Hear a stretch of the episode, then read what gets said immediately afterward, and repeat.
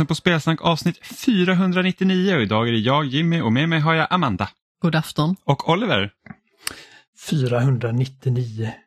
Eller hur? Sa du verkligen det? Det, det stämmer mycket bra. Annars, annars har vi gjort en väldigt eh, stor felräkning vilket gör att nästa helg när vi ska sitta och streama och livepodda avsnitt 500 eh, varit en sorglig misskalkylering. Ja, jo, nej, men jag, jag tror det. Men, men det bara känns konstigt. Det, ja, det känns, vi säger egentligen varenda jubileum vi har slagit så känns det ännu märkligare. Mm. Sen så kan man ju säga att hade vi kört varje vecka från poddens början så hade vi varit här för några år sedan redan. Eh, eftersom vi, eh, ja, när vi började podda så körde vi väldigt, väldigt sporadiskt. Eh, och sen eh, körde vi varannan vecka i några år innan vi började med varje vecka. Mm. Ja, det finns ju några poddar som är där uppe och nosar kring 500. Vi har ju Svamppodd som fyller 500 om ett tag och även Nördigt tror jag. Jag skulle nästan våga säga att vi är den svensk spelpodd som har hållit på längst. Även om vi inte är störst. Ja, längst och minst. Det kan, det kan nog vara någon som slår oss, men jag tror att jag tror både Svamppodd och Nördigt började efter oss. I alla fall de som fortfarande är aktiva. Ja, precis. Exakt, vi, vi var ju knappast först, men liksom vi, Nej, vi, eh. var, vi var ändå tidiga eh, att hålla på med podda. Jag vågar inte riktigt gissa egentligen, men jag skulle tippa på att Svamppodd startade 2012, 2013 någonstans där. Mm. Och vi startade 2011. Ja, jo, men precis. Men sen har de ju haft lite så här sommaruppehåll och är ju nominerade avsnitt också. Jo, jo, men det har vi också haft. Alltså jag tror att eh, om man ska kolla på hur många avsnitt vi faktiskt har gjort så ligger vi nog på 530 nästan. Eh, om man räknar med alla spoilercasts Ja, eh, precis. och lite extra poddar, men det gör vi inte. Sen så tror jag att Nördigt startade 2013 också, om inte jag missminner mig. Jag kommer inte ihåg vilka poddar som fanns direkt när vi började. Jag tror spelradion hade nog gått i graven redan. Eh, Gjorde Radio Gamer liksom en brytpunkt? Jag har liksom inte lyssnat på dem. det vågar jag inte svara på. Retroresan, när slutade de? 2009 till 2012. Ja, så de höll på. Eh, jag undrar om inte Retroresan även gick och spelas upp på loading ett tag. Att de Faktiskt fanns med i, inte- i flödet. Faktiskt inte lyssnat på andra sp svenska spelpoddar egentligen. Spelradio var den första podden jag började lyssna på för att den, när den började delas på loading så lyssnade jag på i RSS-flödet man kunde få upp på sidan. Men jag, och sen, sen när jag skaffade, eller jag fick en iPhone i studentpresent, då började jag lyssna på poddar på riktigt. Men då lyssnade jag på IGNs poddar som jag då hörde väldigt bra om. Eh, liksom att folk bara, men de, de gör skitbra poddar och det, det gör de ju. Alltså, nu tycker jag att IGNs poddar var bättre förr. Eh, innan det blev liksom det här att det är en viktig del liksom i deras utbud och de har ett visst sätt de ska struktureras på. När det var lite mer vilda västern där borta, då, då var det roligare att lyssna. Play before you die startade 2011 också vill jag minnas. Men de la ju hela sin verksamhet på is typ 2017. Så, så att vi, vi, vi, vi, kan nog vara den, Verksamhet, det lät ju liksom väldigt formellt. så vi kan nog vara faktiskt den Deras podd. äldst pågående svenska spelpodden. Om det inte är någon liksom liten podd som, som vi har missat. Som är ännu mindre Som är, som vi är, men vi är inte så små egentligen, vi har ändå runt eh, 500 lyssnare veckovis. Så att eh, det tycker jag inte fy skam med tanke på att det har tagit Nej, oss det är det inte 12 alls. år att bygga upp den. Vi är praktiskt taget kändisar. Oliver blir igenkänd på konserter och vi blir igenkända på gymmet. Ja, ja, det roligaste var att Emma hade inte varit med länge i Spelsnack men hon blev igenkänd på webbhallen i Stockholm. Jaha, Så att det var någon som bara, är det du från Spelsnack? Och hon bara, ja, jag känner igen din röst. Och Man bara, så det var kul. Ehm, Jag, jag blev bara igenkänd på, på webbhallen när min lillebror är där. För han handlar på mitt konto. Och de bara, är det Oliver? Är det, Oliver? är det du som är Oliver? Nej, det är min bror. Och jag bara, fan. Mannen, myten och legenden. Ja. Då var det i och för sig för eh, någon som har läst, läst Game Reactor, men... eh, Mm. eh, om inte det Ja. framgick så var jag alltså väldigt ironisk. Vi är väldigt mycket minus på kändisskalan. Ja, ja, ja, för fan. Jag, först, jag, tror vi, vi förstod nog. Men alltså, de få gånger det händer så blir jag så liksom tagen på sängkanten att jag liksom nästan inte vet hur jag ska reagera. Ja, nej, Eh, alltså det, det, alltså, redan det när folk liksom typ när folk visar intresse för ens podd också som, som kanske liksom, så- ja men typ kollegor som bara, men du poddar ju och man bara, ja. Bara, eh, ja, det gör jag. Och så, så bara, "Ja, men vad, vad pratar ni om då? Och man bara, ja, tv-spel. Bara, "Ah, Okej, ja, vad, vad, vad gör man, vad, liksom, vad pratar ni om? Och man bara, allt möjligt. Det är liksom, du vet. Så vad, jag, jag vet vad och sen så kan någon komma så här, så bara, ah, men jag testar att lyssna på din podd. Man bara, ja ah, men vad kul, eh, jag ber om ursäkt på förhand. Och så bara, ah, nej men det, det var ju bra men, men jag hängde inte med. Och man bara, nej, är man inte intresserad så Nej, hänger man inte precis. med. Det är liksom, Inte i början i alla fall, man måste ge det ett tag. ja, men jag, alltså, är man inte ett dugg spelintresserad då ska jag inte lyssna på spelsnack. För, jag, alltså, för vi pratar inte på ett sånt sätt att vi bjuder inte in till sådana som inte hänger med. Nej, så är det ju. För absolut. att liksom, Nej. när vi pratar, liksom, säg att någon person Men eh, man kan ju vara intresserad av att lära sig. Ja, så kan det ju vara. Alltså, det kan, jag ska inte säga att vi är den bästa podden för inkörsport heller om man säger precis är ny heller. Men liksom så att, tänk någon som, som aldrig har lyssnat på en spelpodd tidigare, lyssnat på spelsnack och vi bara Soulsborne, Metroidvania och, bara, och de bara what? liksom, det är så himla mycket internt lingo i spelbranschen som man liksom inte alls fattar om man inte fattar. Tycker att du säljer oss lite kort här, vi är praktiskt taget professorer. Ja men vi, är- alltså sen, sen så, hade- alltså absolut, det hade ju varit en utmaning att säga så att vi ska göra en podd, en spelpodd för föräldrar som inte kan spel. Nej, fuck that, det får någon annan göra. alltså. Ja, ja men absolut, men jag sa att det hade varit en utmaning om man hade gjort det på det sättet. Liksom, att, okay, men, och sen så här, må, så här, måste du förklara Soulsborne-begreppet varje gång det kommer upp? Liksom. Ja, Mm. så att det, Nej. det, det är väl rätt så spännande. Hade en väldigt lång och eh, intressant, inom väldigt stora citationstecken, diskussion med en av mina lagkamrater en gång angående tv-spelande och vad som var okej och inte. Vi kan väl säga så att jag är ju mycket mer öppen och det var väldigt mycket mer konservativt på den fronten där. Ja, jag, jag är ändå förvånad hur, hur många ändå liksom så att när man pratar om spelande och de frågar att de är väldigt intresserade många gånger också. I alla fall på mitt jobb. Man har ju haft en del sådana här skumma diskussioner. Det är samma sak. Jag får alltid försvara att jag dricker Red Bull som jag dricker enbart för att jag tycker att det är gott. För att folk säger att jag inom citationstecken förstör min kropp, det är inte bra för mig och så vidare och så vidare. Samma personer som dricker alkohol, åtminstone varje helg, kanske flera gånger i veckan. Så här, varför skulle jag förstöra min kropp mer än någon annan? Och Red Bull är äckligt så att, eh, jag förstår ju deras varningsklockor. Jag tycker alkohol är äckligt. Men det pratar vi inte om, vi pratar om Red Bull. Och alkohol. Amanda pratar om alkohol. Ja men jag pratar om Red Bull. ja, ja, men det, det är... Folk har alltid olika sätt att se på saker, men jag tycker att det är väldigt konstigt att eh, komma med sådana argument, för att det blir liksom eh, väldigt märkligt. Jag hade varit Det nyfiken finns på liksom vad en, ingen det finns ingen substans i det, så att säga. Jag hade varit nyfiken på att höra vad en doktor säger är sämre för dig. Så här, energidryck eller alkohol.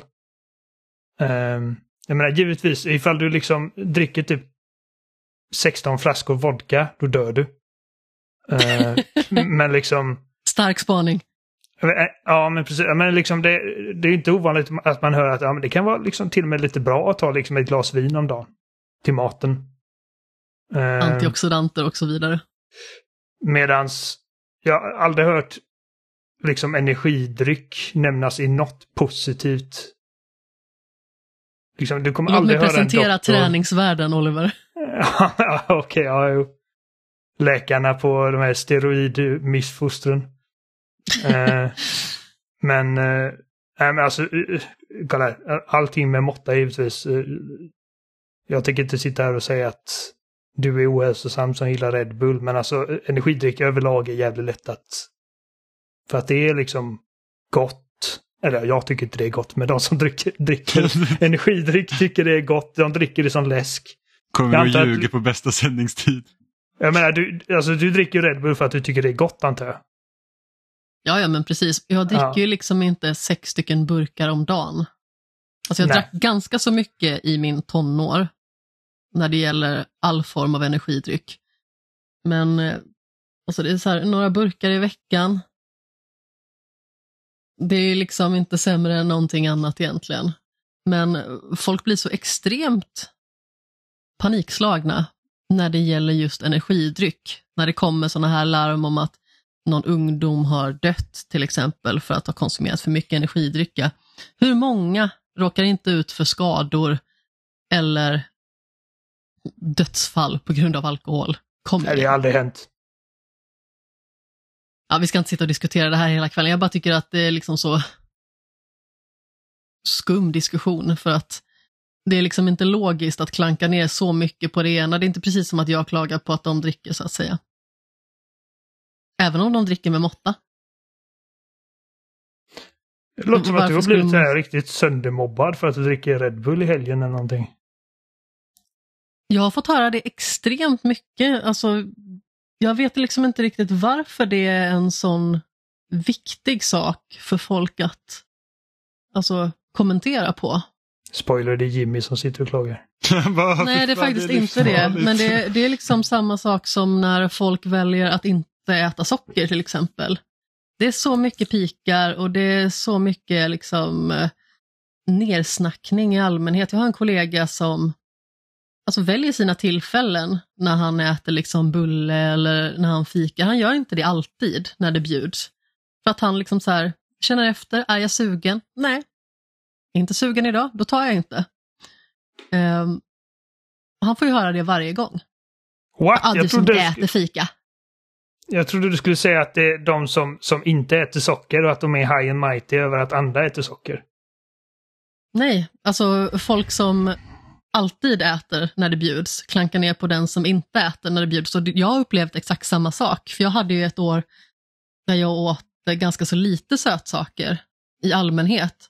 För att jag liksom eh, ville ta bort lite grann av mitt eh, stora sötsug, för jag har alltid varit en gottegris. Liksom. Och eh, vi har diabetes i släkten, typ 2 dock. Så jag kände liksom att okej, jag behöver reducera lite och då börjar jag liksom om från noll och sedan så försöker jag att bygga upp det här långsamt när det gäller förhållandet med socker och så. Men folk är mysko alltså.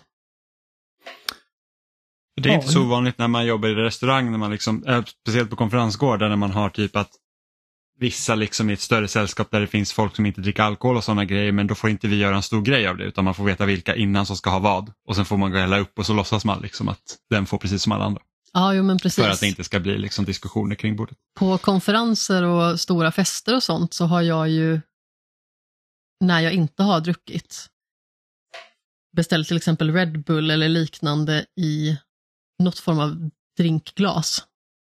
Bara för att det liksom inte ska se ut som att jag dricker alkoholfritt, för att man får frågor konstant om det.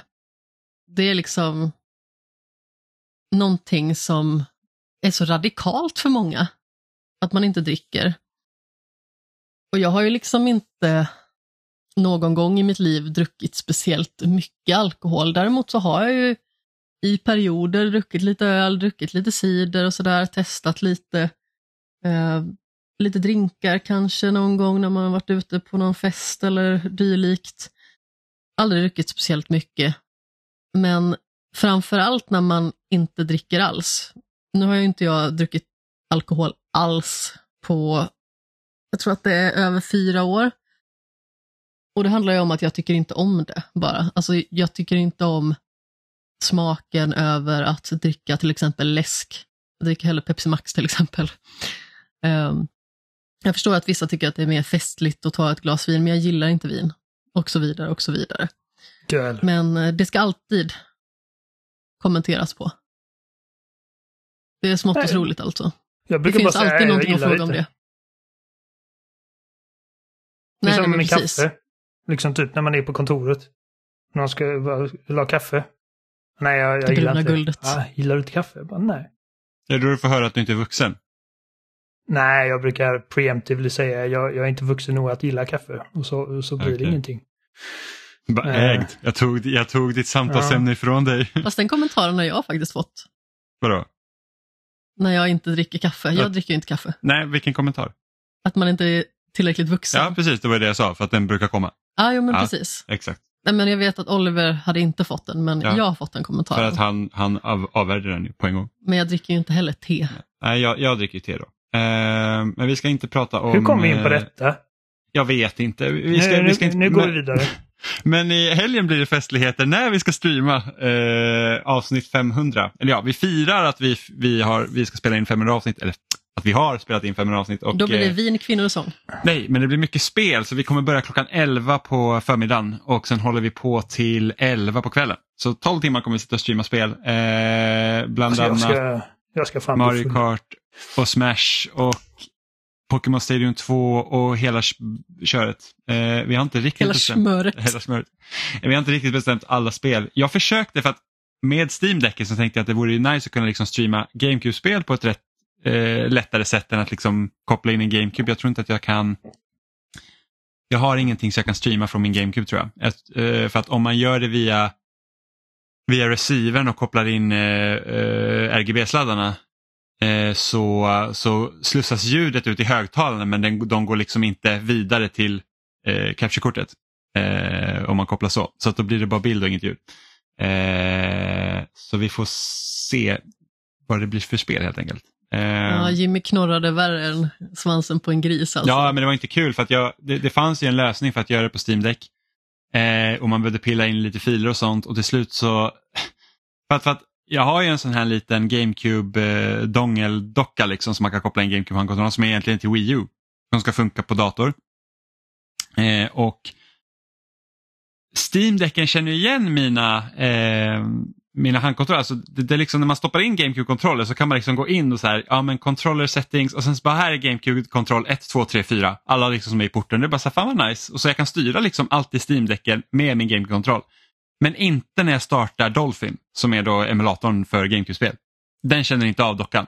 Eh, och då fanns det ett sätt man kunde liksom skriva över någon fil och, och, och få in den och, och så skulle det funka då men, men jag fick det inte att funka.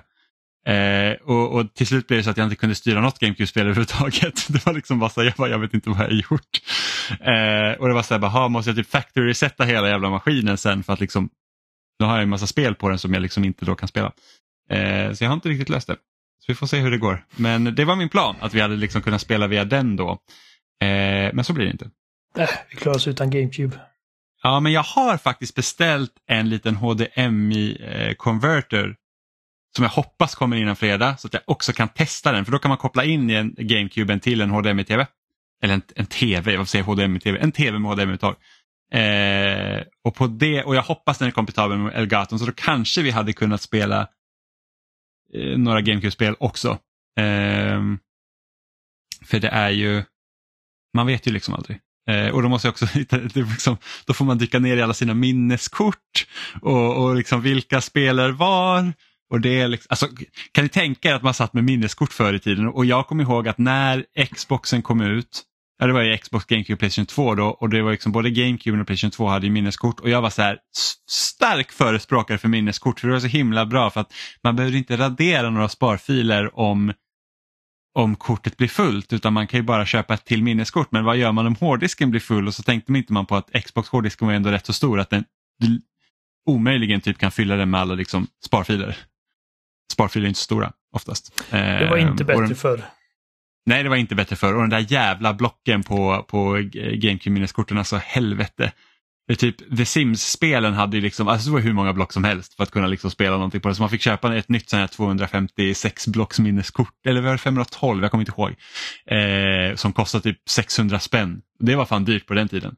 Det var liksom, minneskorten var ju dyrare än spelet om man vill ha det största. Det är en sån här pet Ehm. peeve för mig, folk som sitter liksom och typ eh, nostalgiskt drömmer sig bak till eh, den gamla goda tiden med spel. Allting var bättre, spel var mer kreativa och de var mindre trasiga och mer färdiga på launch och det är bara sånt jävla bullshit. Okej, visserligen att liksom möjligheten till att patcha spel idag så enkelt som man kan. Det gör väl liksom att utvecklare är mer liksom benägna att släppa en ofärdig produkt. Och liksom titta på the long game än vad man gjorde förut. För att förut var det liksom ifall det släpps och det är paj så är det, då är du körd. Men Ja, som typ, det fanns ju en bugg i Skyward Sword som gjorde att du behövde skicka in din konsol till Nintendo. Ja. Så fick typ, eller du fick skicka in ett USB-minne tror jag till Nintendo så de kunde föra över en, liksom, en fil på minneskortet så du skulle sen stoppa in i din Wii så att du kunde liksom ja, rätta till det bisarrt. Och det är alltså, så, så, så visserligen, ja visst, det, det är väl kanske ofta liksom att storspel idag släpps i icke liksom perfekta tillstånd. Eh, men det handlar också om att spel är så jävla mycket mer avancerade idag än vad de var då. Och alltså all, all, alla moderna innovationer som har gjorts med modern gaming och hårdvaran och grejer som, som jag inte ens hade kunnat drömma om för typ 20 år sedan. Liksom att kunna spela online med någon som sitter på en helt annan konsol, liksom mellan Playstation och Xbox eller PC och Xbox. Och cloud saving, alltså Kommer ni ihåg när man liksom, typ som när 360 fick Red Ring of Death? Och man hade sån jävla dödsångest över att ah, all din, alla dina sparfiler kommer försvinna. Vi kan inte laga detta. Utan liksom att, alltså du måste få en helt ny.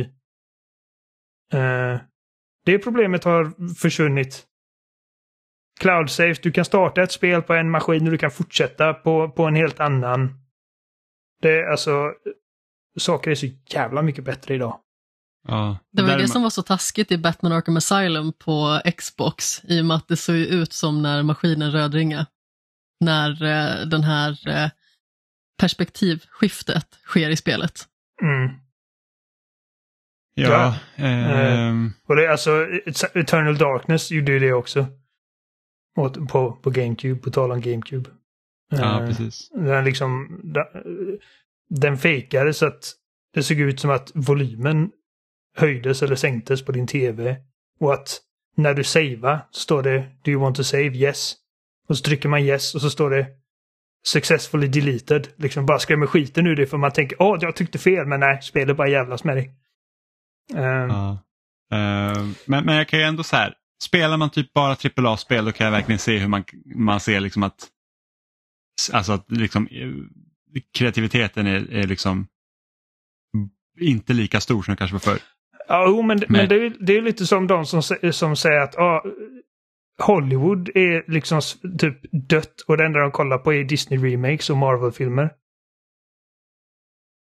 Ja men precis, men samtidigt så att det är ju där har man ju ändå en större påverkan. Det är det att Marvel-filmerna liksom äter upp bioslots. Så att det liksom är svårt att släppa annan film un- under, under perioden när det kommer mycket Marvel-filmer. Så att jag förstår den problematiken mer även om såklart det görs mycket film. Eh, liksom alla, all, alla streamingtjänster gör ju liksom sina egna filmer också så det finns ju. Mm. Men, jag tänker, men bioupplevelsen är väl den som egentligen mest blir lidande om du inte är intresserad av de här stora actionfilmerna till exempel.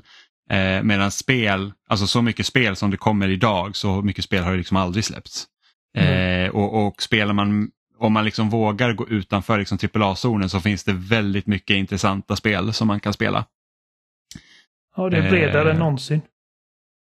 Yes, men jag läste någonstans, om det var någon tweet tror jag, där de gick, liksom, gick igenom varför det, det kan kännas liksom som att, att AAA eh, jag borde ha sparat där, eh, men att AAA-utgivare liksom har, har liksom, vad ska man säga, tappat kreativiteten eller någonting sånt och det var typ att de har liksom inte hängt, alltså hela teorin var att de inte har hängt med i att spel släpps digitalt helt och hållet utan de har hållit liksom fast i för mycket i det här med hur man distribuerar spel förr.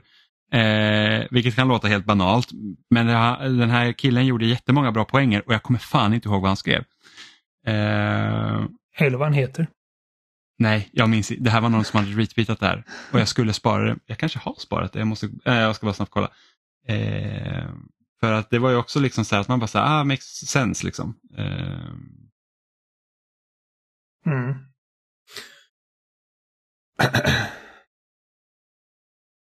Det var ju som... Vad är det han heter? Eh, Nasir. X Ah, nej, jag hade inte sparat det.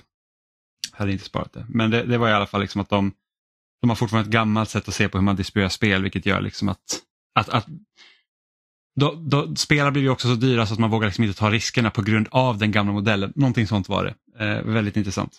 Eh, som är synd att jag inte kan säga vem som har skrivit så man kan läsa det själv.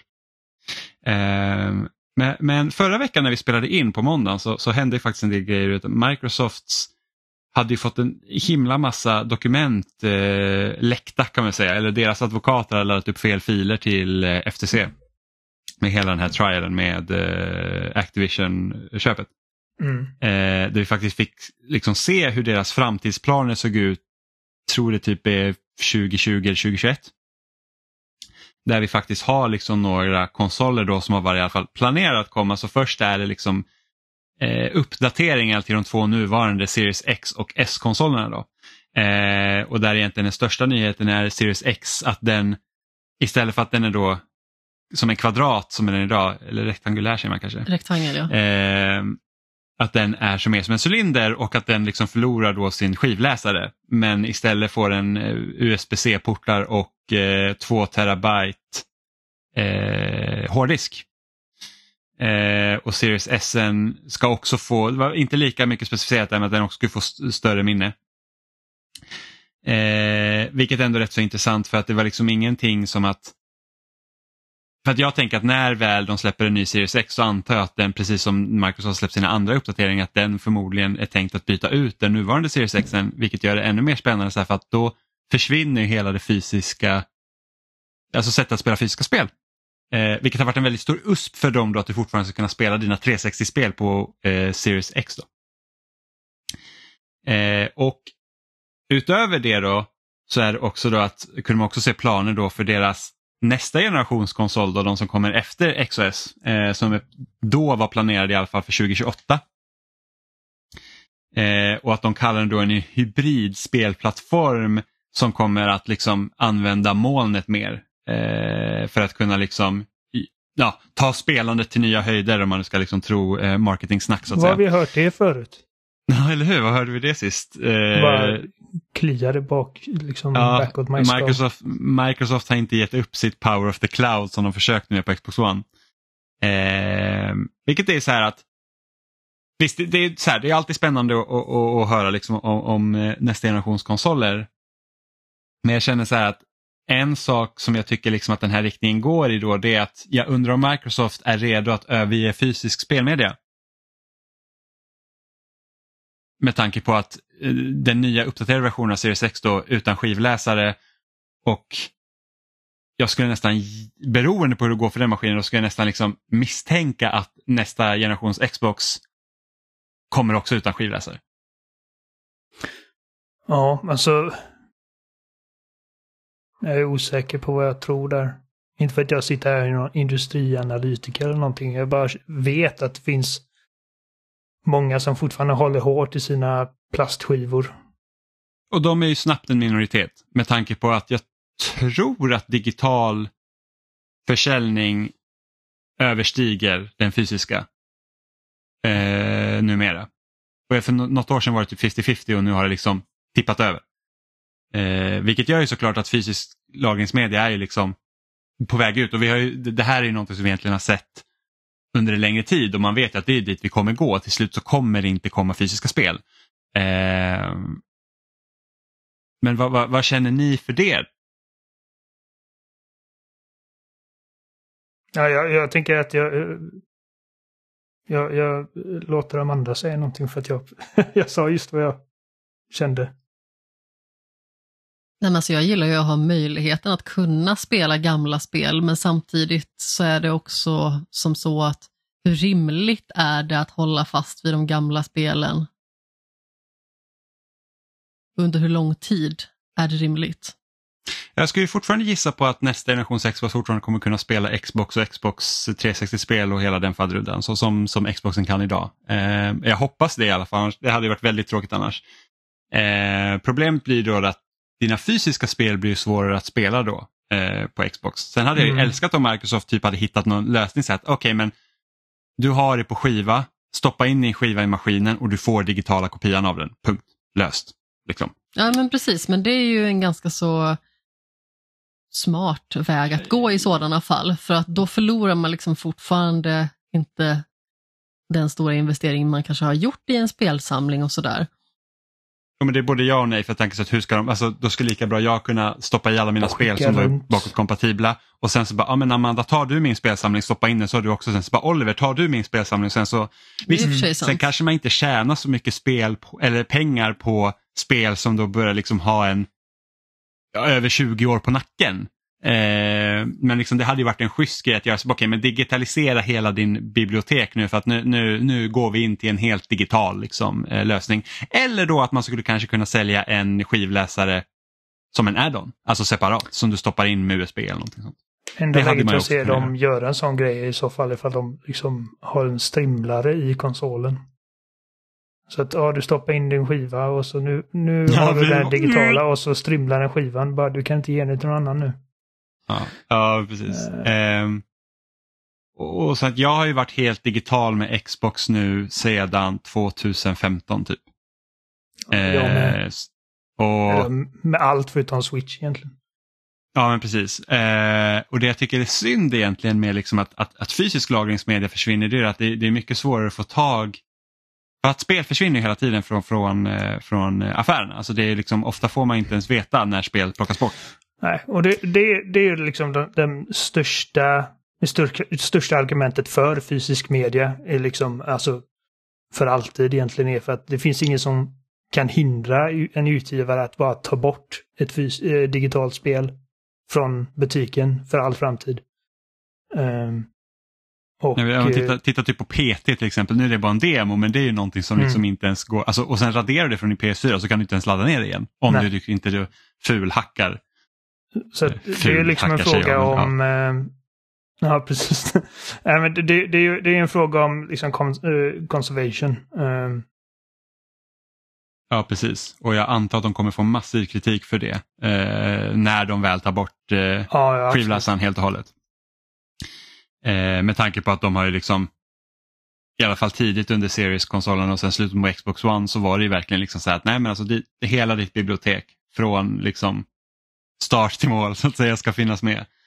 Sen så är det ju både bekvämt och praktiskt egentligen med full digitalisering både för konsument och för de som liksom sitter och tar fram de här maskinerna.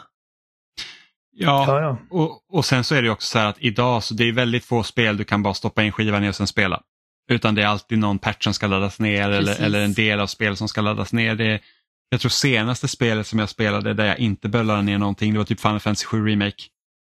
Eh, för vi spelar ju, ja, vi spelar ju Party Animals i helgen till exempel. Eh, och jag hade liksom laddat ner det i förväg och bara avsett när vi ska spela det här på fredag, starta spelet 8 GB nedladdning. Och man var så här, jaha, alltså, varför laddade jag ner det här i förväg då om jag måste typ ladda ner hela spelet igen? Ja, precis, jag hade ju tur som laddade ner det precis innan vi skulle spela det, så jag fick ju hela schabraket på en och samma gång. Eh, en annan sak jag tänkte på för att jag var ju helt, och, så sagt, vi vet ju inte vad konsolen kommer heta. Eh, men jag var ju helt säker på att med de här Series-konsolerna att Microsoft skulle typ försöka döda av generationstänket. För att liksom så att när du har liksom en konsol som heter Series så tänkte jag att de kanske försöker lite med iPhone-modellen så att du liksom när en Xbox kommer så är liksom det blir inte Series X2 utan det blir liksom Series någonting. Liksom. Det är liksom nästa, nästa grej av Xbox. Men jag, när jag kollar på de här dokumenten så får jag lite känslan av att nästa Xbox kommer inte heta Xbox Series någonting utan den kommer heta Xbox någonting någonting. Eh, vilket också De jag är kallar den Xbox Series X Refresh. Ja, refreshen ja, men jag tänkte alltså den som kommer 2028. Jaha, är den här cylindern, är, inte, är det någonting annat jag tittar på? Ja, cylindern är Xbox Series X Slim, eller nästa modell av Ja, Slim. ja okej. Det fanns Eh, ingen eh, mockup för den nästa För den grej. som ska komma 2028? Nej. Ja. Eh, Så den, den vi sitter och spekulerar i nu. Yes. Eh, och en annan grej med den här cylindern egentligen kommer för att, för att dagens Series X den är ju väldigt stor så det är väldigt svårt att ha den på en tv-bänk att den ska stå upp. Otymplig som ett härke. Eh, ja, så att den ligger ju ner. Hur lägger man cylindern? det, Ja, det gör man inte. så, Den var som en liten vagga. om inte den är jätteliten. Det vet vi inte heller. Hur liten kommer cylindern vara? Eller så kanske den får ett ställ. För typ, kom, ja, precis. Ett ställ. Mm. Eh, Playstation man det. 5 man, eh, har ju också liksom ett litet ställ för att man ska kunna lägga den ner. Eh, men nej precis, utan det är ju det är ju sen den som kommer 2028. Vad är det liksom?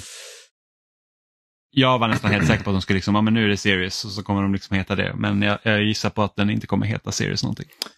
Jag är nyfiken eh, också på den här nya kontrollen de... Eh, yes, jag som verkar... Liksom... De har inte visat upp den. nej, den, nej. Den, den, ja, precis, den vita kontrollen med svarta byxor. Mm. Eh, som till synes verkar ha samma funktionalitet som eh, Playstation 5 kontrollen då, eh, Precis. med haptisk feedback och lite eh, sånt. Så att, och det är ju väldigt kul med tanke på att det händer ju väldigt lite mellan Xbox One-kontrollen och Xbox Series-kontrollerna. Ja, eh, och det är, det är ja. typ den, den grejen som när Playstation 5 och eh, Series 6 kom och, och jag bara, alltså det där är någonting de borde bara direkt liksom kopiera. Bara svälj ja. stoltheten liksom och bara erkänna att okej, okay, det här behöver vi också. Gör en Sony. Ja men alltså de, alltså, de har gjort det här i Vevo. Liksom, alltså, när eh, Xbox uppfann achievement så blev det en massiv grej och sen hade det troféer på Playstation plötsligt. Eh, och ja. Playstation Plus kom och sen kom Game Pass. Eller ja, Games with Gold kom först men. Ja. Och sen Game Pass och sen då eh, Playstation Plus Extra. Och, alltså det, det är så här de gör. Och, den, och DualSensen är liksom en sån grej som bara, alltså, bara härma dem. Alltså... För att, det, ja, DualSensen är, den är så bra. Ja, men det var ju det som framförallt var den största skillnaden mellan de nya konsolerna egentligen när de kom. För att Xboxen, där kändes det nästan likadant. Du startade upp din konsol, du Ja. hade liksom i stort sett samma vy som du hade haft tidigare. Det kändes likadant att spela, det var bara snabbare och smidigare och nyare. Men just med Playstation 5, det luktade framtid om den jäkla kontrollen alltså. Ja, och det hjälpte att de hade först- nytt gränssnitt och grejer. Eh, Ja. Sen förstår jag liksom Microsoft att deras kontroll är väldigt, väldigt bra. Eh, som den är. Det är liksom, Förutom att de går sönder. ja, precis, ja men det, det är ju en annan sak, men liksom utformningen på dem är liksom Ja, ja alltså det, precis. Utformningen på kontrollen den är bra. De behöver liksom inte mixa så mycket med den. Därför är det kanske lite synd att de kanske inte liksom adderade nya eh, funktioner. Sen så är, tycker jag att den skönaste kontrollen som, som Sony har gjort, det tycker jag är Playstation 4-kontrollen. Alltså jag tycker att den är skönast att hålla i fortfarande. Eh, sen, så, sen så tycker jag också det var trevligt med alla de här nya funktionerna såklart som kom med DualSense. Jag tycker man vande sig väldigt fort vid eh, femmans kontroll Ja, ja, det är klart man vänjer sig. För att Playstation 4-kontrollen är fortfarande skönare att hålla i. Det är för att den är lite mer rundad. Men den är också skönare att hålla i än Xbox-kontrollen. Sen är bara knapparna och stickorna helt åt helvete, men det är en annan sak. Men eh, ja, jag lär ju inte köpa en jag lär inte köpa den här kontrollen förrän det kommer liksom en elitversion av samma. Så att jag kan ha en extra dyr kontroll och ha sönder. Ja, Hoppas du på att det precis. kommer en utan byxor då? Ja, men faktiskt. Man kan ju designa egna elitkontroller i Design Lab nu för tiden. Så att man kanske kan göra en sån. Men, men ärligt talat, alltså byggkvaliteten på Microsofts 3000 kronors handkontroll är ju under all kritik. Jag är inne på min femte kontroll nu. Jag, jag är så jävla Eh, sur på de här. Ja, för att eh, jag spelade Lies of P i helgen och helt jag bara fan vad dåligt det går på den här bossen. Ja men det är bara för att båda, eh, både LB och RB-knapparna la typ av. Samtidigt. Det var inte bara så att ah, det går lite svårare att blocka men jag kan slå. Utan det var så att fanns det typ varannat slag som går in. Så bara, varför kan jag inte blocka? Nej, för att något, något hände. Så att de bara så här, ja, ah, funkar inte. Jag satt på toaletten och hörde helt plötsligt dramatiskt Nej! Det var ju verkligen så här, man bara, vilken jävla tur att jag hade en extra handkontroll. liksom. Jag är ju så himla van och liksom, jag har inte hoppat på knapparna sen, liksom, sen, sen jag köpte en elitkontroll. Jag hoppar liksom alltid på en av paddlarna. Ja, det är ju besynnerligt också. Ja, det är jättebra. Kan man ju alltid, alltså, kör man en shooter då kan jag alltid hoppa och sikta samtidigt. Jag behöver liksom inte släppa siktknappen. Eh, så att det är så jag spelar helt enkelt. Och, eh, Jag kan ja, inte spela Och- spel utan det för mig längre. Och alla jäkla kontroller har gått, alltså det är alltid till första kontrollen LB-knappen, andra kontrollen LB-knappen, tredje kontrollen. Och då slutade hörlursuttaget att fungera. Eh, och så gummit lossnade och sen tror jag det var en av sticka bara pekar rakt upp hela tiden. Eh, och, och ja, så det, det är för jävligt är det. Ja, min DualSense Edge har inte pajat än. Vi får se hur, hur länge den håller. Mm. Uh, Dock måste jag ändå säga att Series 2-kontrollen då av Elite-kontrollen har ändå hållit längre än någon annan. Det tog bara fyra år innan den gick sönder. Mm. Ja, nej, jag, alltså, jag vågar knappt använda den. Jag är också inne på min femte. Det bara... Ja, Jag var ju så i början, alltså min första elitkontroll, jag körde bara shooters med den. Jag bara, så fort jag inte spelade en shooter så bytte jag liksom till en annan. För att jag tänkte den här ska hålla länge. Men den tog ändå, den gick ju sönder ändå. Ja. Jag var så här, fuck it, då kan jag lika bra använda den här dyra skitkontrollen. Så att jag liksom kan... äh, äh, Bumpersen är ju typ den mest kända grejen. Som- Ja, och, alltså, bumpers, och, och det är också absolut sämst byggkvalitet på dem. Alltså de känns ju verkligen som leksaker. ja, Det är liksom så här jättebillig plast. Det borde ju vara något annat. De borde forma om bumpersen helt och hållet. Ja, Så, Så att det inte går Det sönder. är liksom inte knappar, det är bokstavliga bumpers som har en liten kontakt under. Ehm, Men det är skönt att du i alla fall hade en, en reserv som du hade fått typ i julklapp förra året eller Ja, någonting sånt. precis. Jag, vet jag vad du kommer att få det här året, en ny reserv. jag, jag har ju väntat med att använda den. Jag tänkte bara, ska jag använda den? Så jag bara, nej, jag väntar tills den jag har går sönder, för den kommer gå sönder. Och det hade jag rätt. Eh, Så det, det är ju faktiskt väldigt spännande. Eh, Men det läckte ju fler grejer också från Microsofts eh, de här dokumenten.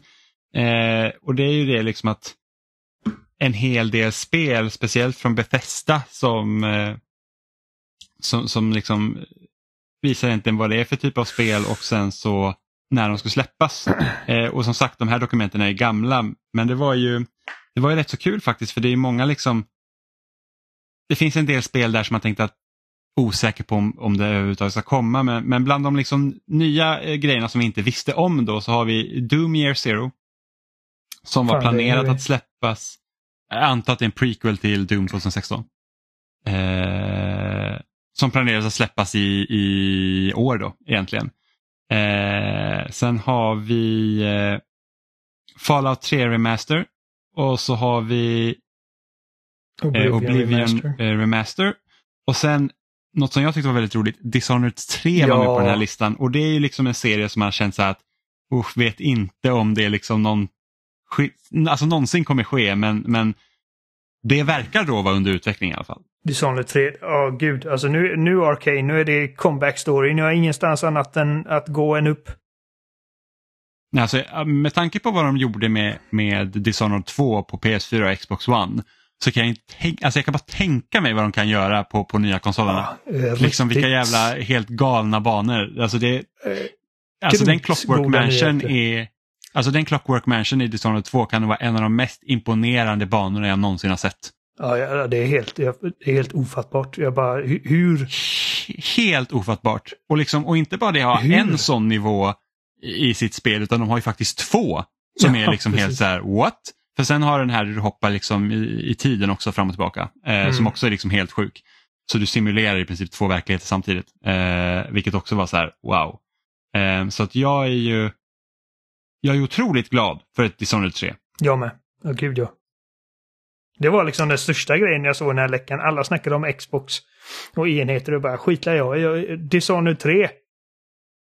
Ja, Fuck verkligen. yeah. Det börjar bli, jag tror det blir dags för mig att spela den här eh, mini-expansionen som kom till tvåan som inte jag spelat. Ja, eh, Death of the Outsider. Yes. Den har jag inte spelat så att det, det ska bli kul. Eh, men jag tror att det var de viktigaste grejerna egentligen från den här läckan. Jag tänkte att vi, vi behöver liksom inte hoppa in mer. Jag vet, det var också att typ Microsoft har kollat på om de kunde köpa Warner Bros Games, Nintendo och Valve. Och jag vet att det blev en jättestor snackis med Nintendo för att de visade ett mail från Phil Spencer där det var typ så här att ja, men det vore typ en crowning achievement att köpa Nintendo liksom. Men eh, det var att i konversationerna innan det så hade han liksom argumenterat för varför det är svårt att köpa Nintendo. Liksom att de kommer inte vilja sälja. Eh, och att det var liksom ingenting de hade egentligen seriöst tittat vidare på. Nej, Eh, om det är något. Det känns är det något för- som är det något något- som... är, det något, är det något företag de inte ska köpa så är det Nintendo för att då hade Ja. de inte fått fler Nintendo-spel. Eh, Nej, men precis. En liten nyhet som jag kan flika in med det är ju att det har bekräftats att The Sims 5 blir free to play-piss. Ja. Det, det är bekräftat, det är väl lite synd. Ja, alltså vi diskuterade det här för ett litet tag sedan, för jag sa ju att det hade spekulerats i det och eh, jag vill minnas att du trodde att det inte skulle bli så.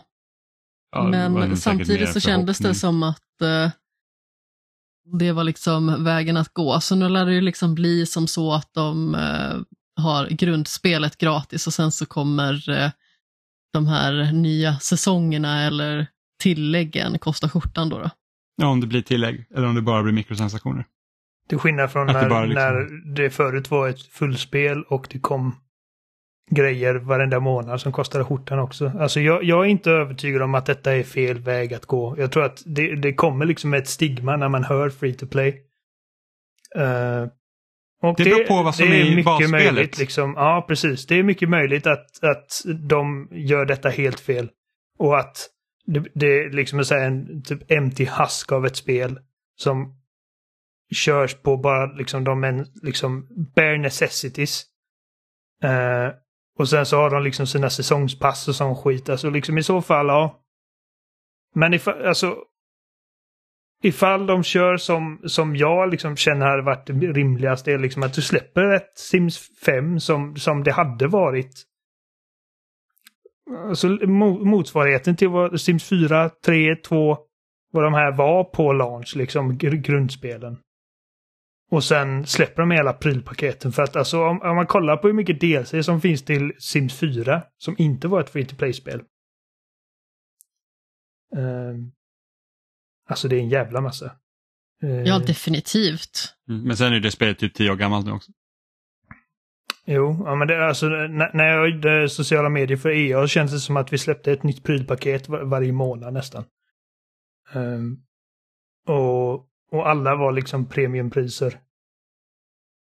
Ja, alltså det är mycket väl att de kan sköta det rätt men det är bara det att om liksom basspelet fortfarande liksom känns att okej men du kan köpa det, det känns väldigt fattigt och sen har du typ Du kan sätta välja mellan väggar. 20 extra paket och köpa för att det ska kännas fylligare. Och de, de 20 paketen kommer göra att det kostar typ som sex stycken The Sims 5 hade kostat om det hade liksom varit normalt. Jo, jo. Men om grundspelet är tillräckligt fylligt för att ens kallas ett spel, då känns det i alla fall som att de har en bra grund att stå på. Sen så är det ju naturligtvis frågan om vad alla de här tilläggen kommer kosta och hur mycket man kommer behöva bekosta själv. Typ så här, ja men här får du ett t-shirt-paket för 50 spänn. Får man ingen som man vill ha. Ja, nej, det, det, beror helt på hur de gör med prissättningen. Så det, det är ju... Man kan det- föreställa sig många worst case scenarios i sådana här lägen. Mm. Och med tanke på att det är EA så antar jag att det är det worst, worstigaste case-scenariot som, som går i, i hamn.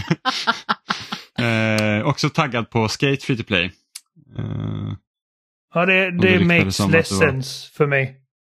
mm. Där kan du också köpa Eh. t-shirt-paket och brädor och kanske till och med måste betala en exklusiv avgift för att komma in till den här coola rampen du vill hoppa på. Jag vet inte, jag, jag, ska, jag, ska, inte, jag ska inte vara dum nu. Jag har ingen aning om hur, hur, det, hur den modellen kommer se ut. Och jag, jag vet inte om de har bekräftat Skate ska vara free to play heller, men jag vet att det var rykten om det förut. Och det är också så här att, att De har sagt väldigt lite officiellt om Skate tror jag. ja, det har ju varit i utveckling nu hur länge som helst känns det som. Jag hoppas ju på att The Sims 5 blir bra ändå. Ja, ja, det hoppas jag också. Jag är väldigt sugen på det här Life by You som Paradox ska släppa. Mm. Eh, som är Släpps liksom en, en i Sims. vår tidigt vill jag minnas. Jag undrar om inte det är ute redan i Early Access redan nu. Ja, men det kommer inte jag spela. Jag Nej, nej, nej, men alltså det är liksom, man kan prova på det redan nu, tror jag. Jag är inte 100% säker.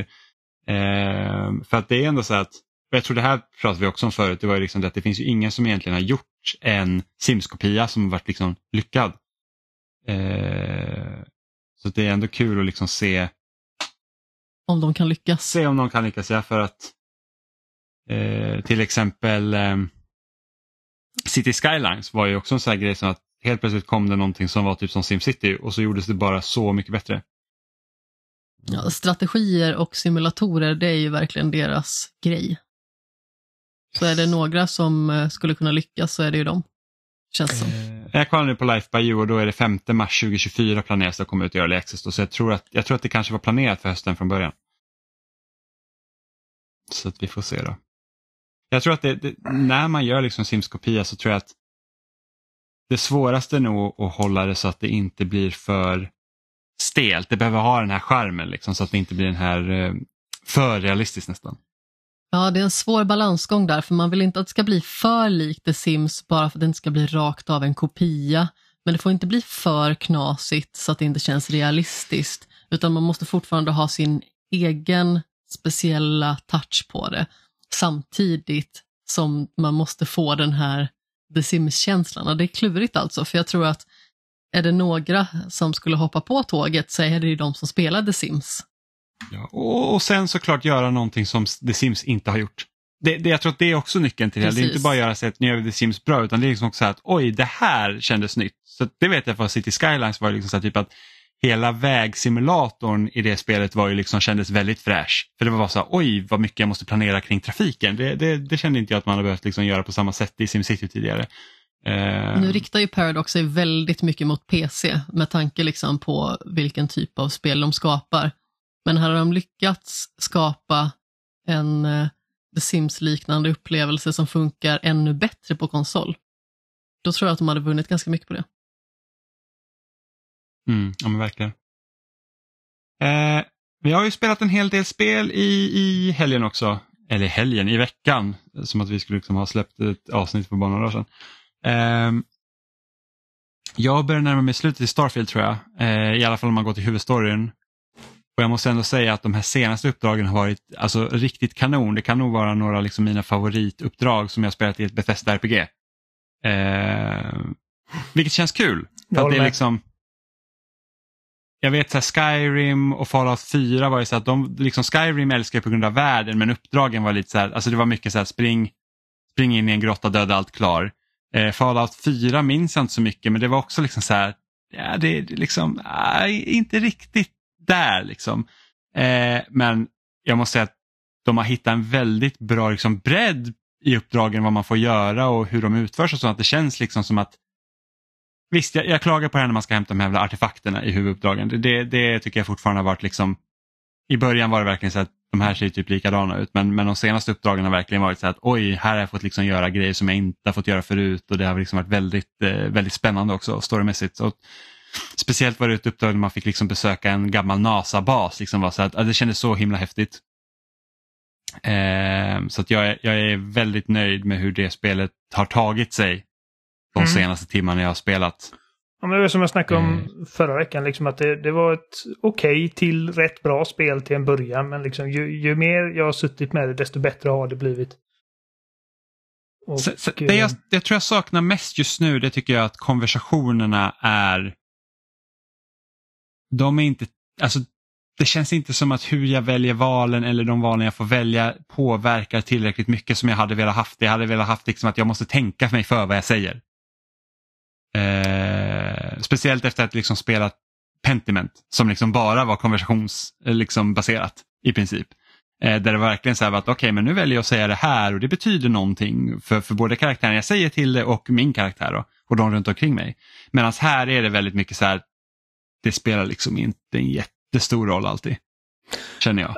Och det tycker jag är väldigt synd. Och det, det blev som en kontrast för mig då som, som jag hoppade in i Cyberpunk igen efter att de släppte den här 2.0-patchen. Och eh, slogs av, för att eftersom Cyberpunk och Starfield är liksom två ganska Alltså på, på, vissa, på vissa sätt ganska snarlika upplevelser liksom. Mm. Eh, så här dialogdrivna eh, shooter-rollspel. Och eh, jävlar vad, vad, vad mycket mer naturliga konversationerna är i Cyberpunk än vad de är i Starfield. Mm. Uh, inte bara liksom att, att spelets voice direction är riktigt vass liksom. Alltså, det, kän, det känns som att skådespelarna liksom har fått ordentlig regi.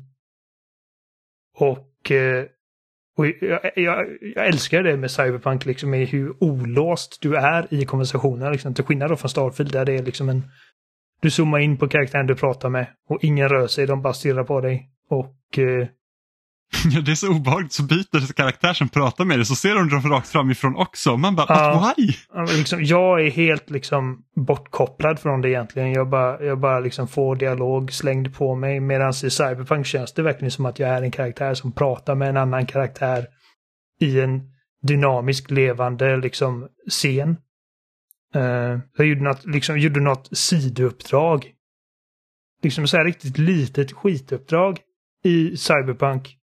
Som kändes liksom att jag hade en konversation med den här snubben, vi, vi satt och körde.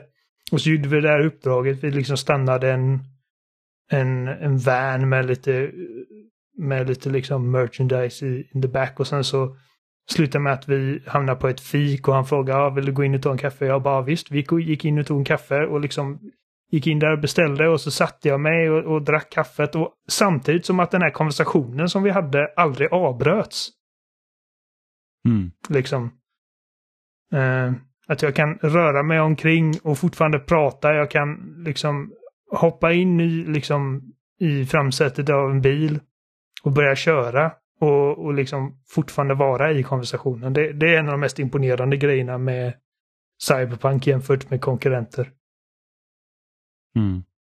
Eh, men ja, som sagt, alltså, jag har lite mer att säga om Cyberpunk sen, men, men bara för att du sa det om konversationerna i Starfield så var jag tvungen att ta upp det. Mm. Nej, men så att jag, jag, är, jag tycker väl att huvudstoryn kanske liksom pinnar på lite väl snabbt när man väl bestämde sig liksom för att okej, men nu ska jag bränna på här lite. Liksom att man, man kommer fram till vissa eh, ja, men man, man liksom får veta mer liksom, vad som händer och vad som sker runt omkring och sen så bara oj, men nu är det typ, nu är jag vid slutet. Och det var så oj då, det känns som att vi hoppar över några steg och så tycker jag ofta Bethesda-spelen är för att det finns ju så mycket runt omkring att om du väljer liksom att gå på huvudstoryn så är egentligen spelet rätt så kort. Men det är allt det här andra runt omkring som ska liksom fylla ut det här. Jag börjar Mm. tycka att det är mycket av det här andra runt omkring. Det är så få saker som är kopplade till huvudstoryn att jag känner att den hade kunnat vara lite matigare. Om du förstår vad jag menar. För liksom så här, gör jag någonting med Crimson Fleet då är, det liksom, då är jag isolerad där. Vilket inte gör någonting egentligen. För att jag tycker också om att det finns liksom sådana grenar som liksom, den där är liksom helt isolerad från allt annat jag håller på med. Det här är liksom en hel storyline som är, som liksom är vid sidan om. Eh, men jag hade gärna liksom sett att andra grejer som jag gör också påverkar in i huvudstoryn. Vilket det kanske gör sen när man hoppar in i New Game Plus eller vad som helst, att man liksom får se de här skillnaderna. Men, men liksom just nu så känns det så att oj, jag hade gärna, liksom, jag hade gärna fått fylla på lite mer här, liksom fått, fått mer tillfällen att lära känna den grupp människor jag liksom reser runt med. Liksom. Alltså, Eller jag, typ jag, för, med jag förstår vad du menar, men det känns lite weird att anklaga spel som Starfield för att det inte var matigt nog. Jo, jo men alltså, förstå, alltså Starfield är matigt. Huvudstoryn hade kunnat få vara matigare i det matiga om man Jo. säger så. Det, det är som att jag äter min fina stek med, med jättegod potatismos men såsen är lite tunn. det är liksom, Eh, så det är ju matigt men, och det här är typ samma problem som haft i Skyrim. Det var liksom så här typ att i Skyrim var ju det här inbördeskriget jättestor liksom. Och där fanns det liksom flera olika grenar i världen som påverkade, liksom, eller liksom som hade i alla fall var relaterade, så man kände liksom att det här fyller liksom på allt jag känner till om det. Och sen när man hade liksom klarat inbördeskriget så var det ingen som visste vem som hade vunnit ändå, för det var fortfarande så att Ulrik han gör det här och gud, och man bara Ulrik är död. det är liksom Mm. problem solved. Eh, Nej, alltså jag, jag, Alltså- förstår, jag förstår vad du menar. Jag, Mm. jag, jag, jag bara jag känner att personligen att det hade blivit, då hade de fått kompromissa på resterande delar. ja såklart, alltså det här Mm. kanske hade bara räckt att ha typ kanske två uppdrag till eller något sånt, jag vet inte. Eh, för att jag känner liksom att under Crimson Fleet-uppdraget så kände jag att jag kom de karaktärerna mycket närmre än de som varit med mig från start. Liksom i huvuduppdraget. Mm. Eh, så att, att det är väl lite det jag tycker är lite synd. Eh, och sen hade jag gärna haft någon extra faktion också att, göra uppdrag till för jag, jag, jag har snart gjort alla. Eh, och de var inte alls jättemånga men eh, Men jag tycker ändå det är ganska bra, liksom, bra kritik för ett spel som Starfield, liksom, som är så, alltså bara massivt. Och man, och man inte sitter mot slutet bara, fy fan. Jag bara önskar att det kunde vara slut. ja absolut. Liksom, att man sitter absolut. här så här typ 70 timmar senare och bara, jag önskar att det var lite mer av detta. Ja. Men Det- det, är ju, alltså när man väl kommer över liksom den initiala liksom kullen så att säga. Så, så är det liksom, när, när det flyter på på ett sätt som jag älskar när det flyter på i ett Bethesda RPG. Då är det fan riktigt jäkla nice att bara sätta sig och spela. Mm. Och det är ganska anspråkslöst och bara säga att nej men alltså jag ska göra det här uppdraget. Jag ska inte göra någonting, jag tar det här uppdraget och så ska jag sitta med det. Eller som du när du sa att ja, men jag ska sitta och bygga lite skepp. Ja, och det blir en jävla process. Eh, Ja, jag har, jag har varit lite inne där och jag har väl inte riktigt fått fnurr på exakt hur det fungerar. Alltså bara det att jag skulle liksom, vad fan köper jag cockpits någonstans? Det tog ju mig jättelång tid att hitta. finns Jag, bara, jag fattar inget. Ja, Ja, ja, det finns ja, en, men, ja precis. det Men finns du har varit inne i... efter- Du har varit inne i upgrade-screenen. Där kan man bara Nej, byta alltså- ut olika kanoner och generatorer. Jo, jag, jag vet, men man går in i chipbilden får Men jag tänkte så att om jag går in i chipbilden och så trycker jag på min cockpit. Då får jag se om jag kan köpa fler cockpits. Men det, nej, då behöver man ju trycka på ad när man inte var på skeppet för Mm, att kunna få precis. upp någonting. Och jag har ju så oturligt att jag har ju en högtalare som står och täcker liksom nedre kanten på tvn. Vilket gör att Ja, jag ser inte de knapparna alltid. Vilket gör att det var ännu svårare för. Jag bara, hur fan, hur fan ska jag, vad hittar jag? Jag bara, jag har för dålig level på chip design, det måste vara det. Och så bara levela upp chip design och så bara, nej. Och jag bara, Oliver har gjort det här. Det var liksom så här, hur Dumjäveln. kan inte hitta? Eh, så att det var... Om han har lärt sig. Så det, men, och sen också det här att det finns så mycket, alltså man kan ju pilla med mods på både liksom, eh, dräkten och vapnena och det är liksom så här, och då börjar man känna att de här jäkla skill points som man har och delar ut, de är jävligt få helt Ja, plötsligt. ja, det var så här bara, alltså jag vill göra allt det här, jag vill liksom inte bara känna så att nu ska jag, jag vill göra lite av det här och lite av det där och då blir det jättesvårt att veta vad man ska prioritera också. Ehm, så nu har jag lagt lite så att jag har i alla fall lite högre på chip design och sen nu har jag kunnat börja göra enkla vapenmods och nu vill jag göra enkla eh, direktmods också. Så att det, ja, det, det är mycket på gång. Jag tycker de har gjort ett bra jobb för övrigt med att få den här chipbilden att fungera på kontroll. Uh, för att jag, jag, jag har kollat på några sådana här typ tutorial-videos från folk som har suttit och gjort sådana här riktigt sjuka skeppbyggen. Och de sitter ju på PC och de snackar om att för att göra det här så trycker du på den här tangenten och det finns liksom en- en tangent för varenda liksom, kommando du kan föreställa dig. Och Ja. att liksom få det att fungera på en kontroll med väldigt begränsade knappar, det kan inte varit liksom en lätt designeruppgift. Nej, verkligen inte. Eh, och som sagt, jag kan inte säga vad jag tycker ens om det verktyget. Jag tycker fortfarande det lite bökigt för att jag har inte gjort så mycket. Jo, ja, men det, det, Eh. det, det är lite bökigt. Alltså, särskilt innan man liksom... För att när man har lärt sig hur, vad- hur, hur det fungerar och vad, vad editorn liksom vill ha av dig. Så... Då är det vettigt liksom. Men det, men det tog en stund. Mm. Som sagt, Ja, sen bara det- det förstå gjorde liksom, var- vilka delar måste vara med. Och Precis. sen liksom, vad gör alla delar? Typ. Eh, Så det var liksom, det var jag, jag, jag, jag savade mitt spel och gick in och så bara gjorde jag alla misstag jag kunde. Testa mig fram. Mm. Och när jag liksom då kände att jag hade koll så revertade jag och så gjorde jag det på riktigt. Mm. Men jag vet, du nuddade det här alldeles nyss, men vad, tycker du om nya Cyberpunk då? Alltså nya Cyberpunk inom citattecken. Vad tycker du om Cyberpunk 2.0? Cyberpunk 2.0 är riktigt bra. Ehm, Tänkte du säga Cyberpunk? Jag, jag, Eller Cyberpunk? Ja, precis. nej, jag, jag skulle säga cyberpunk. Vad, sa, jag, sa jag cyberpunk? Du sa Cyberpunk Jaha. och Amanda höll på att dö. För att det är såklart Det det var först- Jimmy som började Nej. skratta först. Amanda blev så röd om ans-. Amanda blev så röd om ansiktet att hon lika bra kunde ställa sig bredvid en tomat om man inte ens kan se skillnaden. Nej, nu snackar du goja här. Eh, Vi alla vet att jag inte blir röd i ansiktet av pung. Vad Eh, bra. Ja. På, på, vilket, Det- alltså, det- på det- vilket sätt?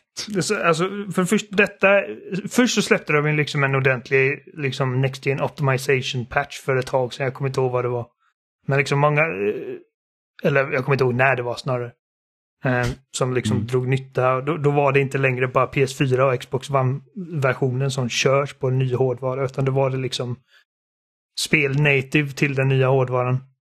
Eh, 2.0 uppdateringen är en, för, först och främst en gratis uppdatering. Eh, så många av de här grejerna eh, har de snackat om liksom för, som marknadsföring för expansionen som släpps imorgon. Vi spelar in detta på måndag så att på tisdag kommer det. När, när ni hör detta så var det igår. Men många av liksom, de här uppgraderingarna liksom har gjorts för basspelet också. Så till den liksom grad att eh, folk rekommenderar jag har sett recension- recensenter av uh, nya DLC att liksom rekommendera att starta en helt ny save. Eh, och det kommer... Är det det du har gjort? Nej. nej, nej. Det var så jag också kände, jag bara så här, jag kommer inte att starta en ny karaktär, för det har jag inte tid med. Balls Deep i Starfield och Lies of P och Armored Core så ska jag starta om Cyberpunk. Nej, det kommer jag inte göra. Eh, men jag startar en ny bara för att liksom få liksom, de grundläggande tutorialsen. För att många grejer är liksom, alltså inventory-systemet är helt omgjort. Eh, alla dina skills, när du startar Cyberpunk nu efter uppdateringen så har alla dina skills resetats för att de har byggt om hela skillsystemet. Ja, det är det värsta. Man bara, vad, vad vill jag ens ha? Ja, och, det, och det, är, det är en liten hurdle att komma över. Och, och jag vet att när jag startade och liksom har spelat en kvart och, och jag skrev till Adam. För att eh, han har också återvänt till det inför DLC. Och sa bara alltså jag har ingen aning om vad jag håller på med. Jag, jag har ingen aning om hur inventory-systemet fungerar. Jag har ingen aning om liksom vilka skills jag ska ha. Jag har ingen aning om... Jag kommer inte ihåg storyn egentligen. Eh, så det har, liksom, det har varit en stor utmaning liksom att, att återvända till spelet och liksom bli familjär med dess olika system igen. Särskilt eftersom att de som sagt har ändrats från grunden. Mm. Uh, jag, jag tror, tror dock därför... att du kan starta en ny karaktär och hoppa in direkt i Phantom Liberty med den nya karaktären. Sen. Uh, jag har för mig att... Eller det var någon recensent idag som sa att man måste komma till ett visst uppdrag. Så kan det mycket möjligt också. Innan man, jag har bara hört att man, man behöver inte klara hela hört... spelet i alla fall. Nej, men du kan, ja, precis. Det är lite som, som de, eh, expansionerna i Witcher, antar jag.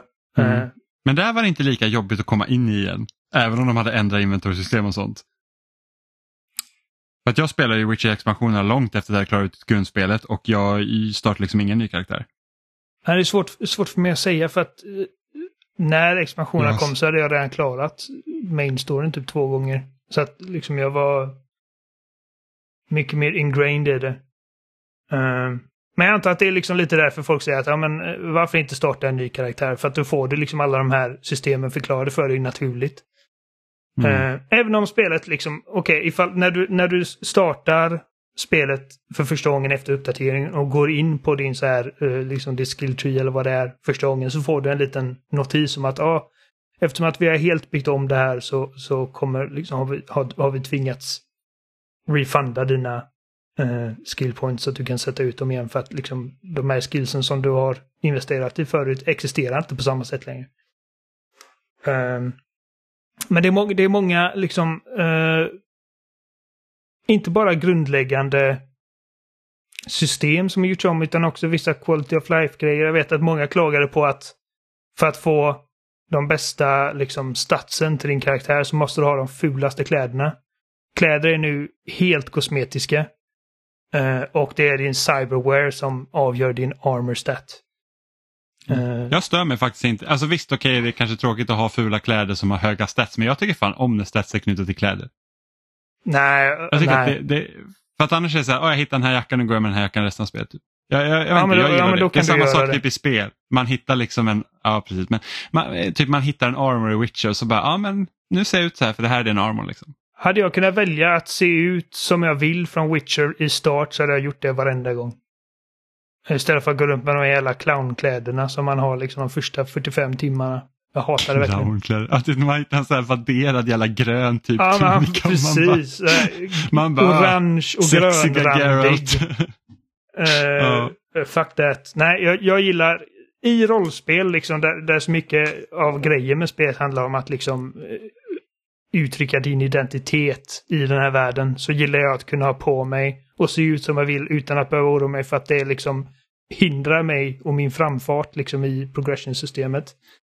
Uh, och det, det, är till och med så liksom du kan du har en garderob i din lägenhet så att du, du kan liksom sätta upp sex olika liksom sätt av utstyrslar som du kan kombina. Allting, alla kläder du någonsin ägt, all, alla kläder du någonsin craftat, köpt, sålt.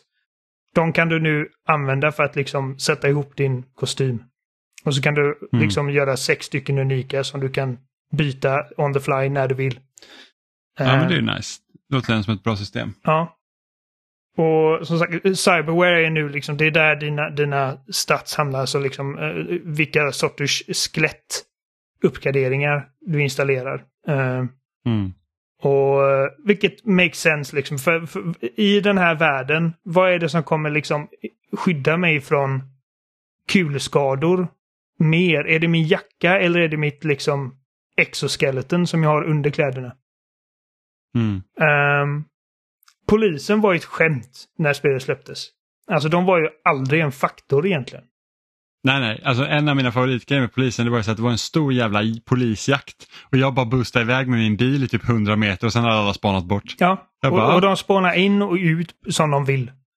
Ja. Eh, nu fungerar de mer som de gör i ett GTA-spel. Liksom. Alltså, eh, jag, bara på de typ två timmarna jag har spenderat i spelet sen uppdateringen så har jag haft mer run-ins med polisen än vad jag hade på liksom 70 timmar förut. Ehm, och liksom ifall du kör över någon på gatan så är det direkt att du, du blir liksom efterlyst. Och eh, för att komma undan någon så måste du hålla dig liksom, varje liksom polisbil är som en sorts liksom zon som du måste ut från. Alltså de har ju i princip rippat hur det, hur det funkar i GTA. Vilket är liksom, Mm. makes perfect sense to me liksom. Det, eh, det bara fungerar. Och poliser är liksom utmarkerade på din lilla liksom minimap. Eh, så att du vet liksom att okej, är det en polis i närheten? Nej, okej, då kan jag sno den här bilen och så vidare. Eh, Mm. Och det går också upp i det här stjärnsystemet liksom att det, når det en viss punkt eh, det blir liksom ex- exponentiellt svårare att komma undan dem ju, ju argare de är på det.